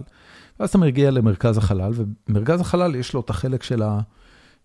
של כאילו מוזיאון, כאילו זה, זה נראה כמו גרסה מאוד מאוד משודרגת של מוזיאון המדע בחיפה נגיד, או בירושלים. יש שם תצוגות ומסבירים לך על רקטות, והכל טוב ויפה. ואז אתה נכנס לסיור שלוקח אותך למרכז החלל עצמו, למקום שבו עד היום אסטרונאוטים עובדים, למקום שבו מרכז הבקרה של יוסטון עדיין מנהל משימות חלל. האסטרונאוטים שנמצאים עכשיו בתחנת החלל הבינלאומית, זה המרכז שאיתו הם מתקשרים ו, ועובדים מולו כל הזמן. ואתה נכנס לתוך, ה, לתוך החדר אורחים, האזור של האורחים, בחדר הבקרה, שממנו המשימות של אפולו, ובעיקר כמובן אפולו 11, שהייתה המשימה הראשונה שהנחיתה אדם על הירח, ואתה יושב שם, והם פשוט שחזרו את כל החדר הזה, את כל החדר בקרה הזה, למצב שבו הוא היה לפני כן, כמובן עם קצת שדרוגים של צגים דיגיטליים, שמראים בדיוק את מה שהראו אז, אבל, אבל בגלל שזה שחזור, אז מראים את זה בצגים דיגיטליים. ואתה יושב שם, והם מראים לך, לא מין סרט, אבל מין מיצג כזה, של 14 דקות, שבמהלכם אתה חווה איך שהחדר הזה, כמובן הוא ריק מאדם, אבל איך המכשירים נראו ומה הוצג בכל רגע נתון בזמן הנחיתה על הירח. ואתה יושב שם, וזה לא ייאמן. העניין הזה של הנחיתה על הירח, בסוף, כשאתה מסתובב שם ואתה מסתכל על זה, זה, זה פיזיקאים, מתמטיקאים, קצת פח ודלק טילים. זה פחות או יותר כל הסיפור. מה, מהפאקינג פחיות האלה, הם בנו רקטות, והם בנו מנגנוני הנאה ומנגנוני היגוי ומנגנוני אה, תקשורת, וכשאתה מסתכל על הקפסולה שבה האסטרונאוטים ישבו אה, בדרכם אל הירח ובמשימות של ג'מיני, זה פחית, זה גיגית. זה בגודל של גיגית, או, או שתי גיגיות מודבקות ביחד. אתה מסתכל על הדבר הזה ואתה לא מאמין שלפני 60-70 שנה אה, נשלחו בני אדם בתוך הדבר הזה אל החלל ואל הירח. ואתם יודעים, בפרק עם יריב יש תחושה נורא חזקה של האתגר וההנאה ובניית הטכנולוגיה וזה, אבל פה מדובר על האנשים עצמם שטסו, ואני לא יכול לתאר איזה התרגשות זה עשה לי. זה, זה ממש אה, טלטל אותי להיות במקום הזה. אמ, אני הייתי בהרבה מוזיאונים בחיים שלי, ראיתי את המונליזה וראיתי את האדם החושב של רודן ופריז ורומא, ואני לא חושב שמשהו אה, ריגש אותי כמו לראות את החדר ואת התצוגה הזאת של אנשים שנחתו על הירח. אה, יש בזה משהו שהוא הוא, הוא גדול יותר מכל דבר אחר שבני אדם עשו, בעיניי, בעולם. אה, הרגע שבו אה, בן אנוש שם את הרגל שלו על פלנטה אחרת, או על, על ירח במקרה הזה, זה לא בדיוק פלנטה, אבל על, על גוף שמימי אחר בתוך היקום, אה, זה רגע נורא מרגש. ואם אתם במקרה נמצאים בטקסס, אז דיר באלק, אל תפסידו את הדבר הזה, כי זה באמת משהו מטמטם. ו, ואם אתם כבר עושים את זה, אז שתי המלצות אה, שהם כאילו חובה בתוספת לעניין, זה הראשונה, סרט דוקומנטרי שנעשה ב-2019, אם אני לא טועה, רון האוורד, היוצר של אה, אה, אפולו 13, הסרט הדרמטי, הוא זה שעשה את הסרט הדוקומנטרי, ו, וזה סרט דוקומנטרי שמשחזר בצורה מעולה את ה footage, את, הוידאו ואת הסרטים של הנחיתה על הירח, ומעביר את זה בצורה מאוד מאוד מרשימה ודרמטית. אמ, והשני זה סרט בשם אה, First Man, אה, על ניל ארמסטרונג, על הסיפור האישי שלו, אה, וזה סרט גם כן נהדר, מאוד פילוסופי ומרגש ואנושי, ולא לא טכנולוגי או, או, טכנו, טכנוקרטי בכלל. וכמובן, אם לא ראיתם אפולו 13, אז גם סרט חובה. זהו, זה, סגר לי את הלופ נורא יפה על, הפרק של יריב בש, ואני שוב ממש רוצה להודות מקרב לב למאזינים אה, שכתבו לי בפייסבוק. אתם כולכם אנשים נהדרים, ואם אתם במקרה באזור, אז תודיעו לי וניפגש לאיזה בירה או בריסקט. אה, ועד כאן הפרק. אני מקווה שנהנתם ונתראה בשבוע הבא. יאללה ביי.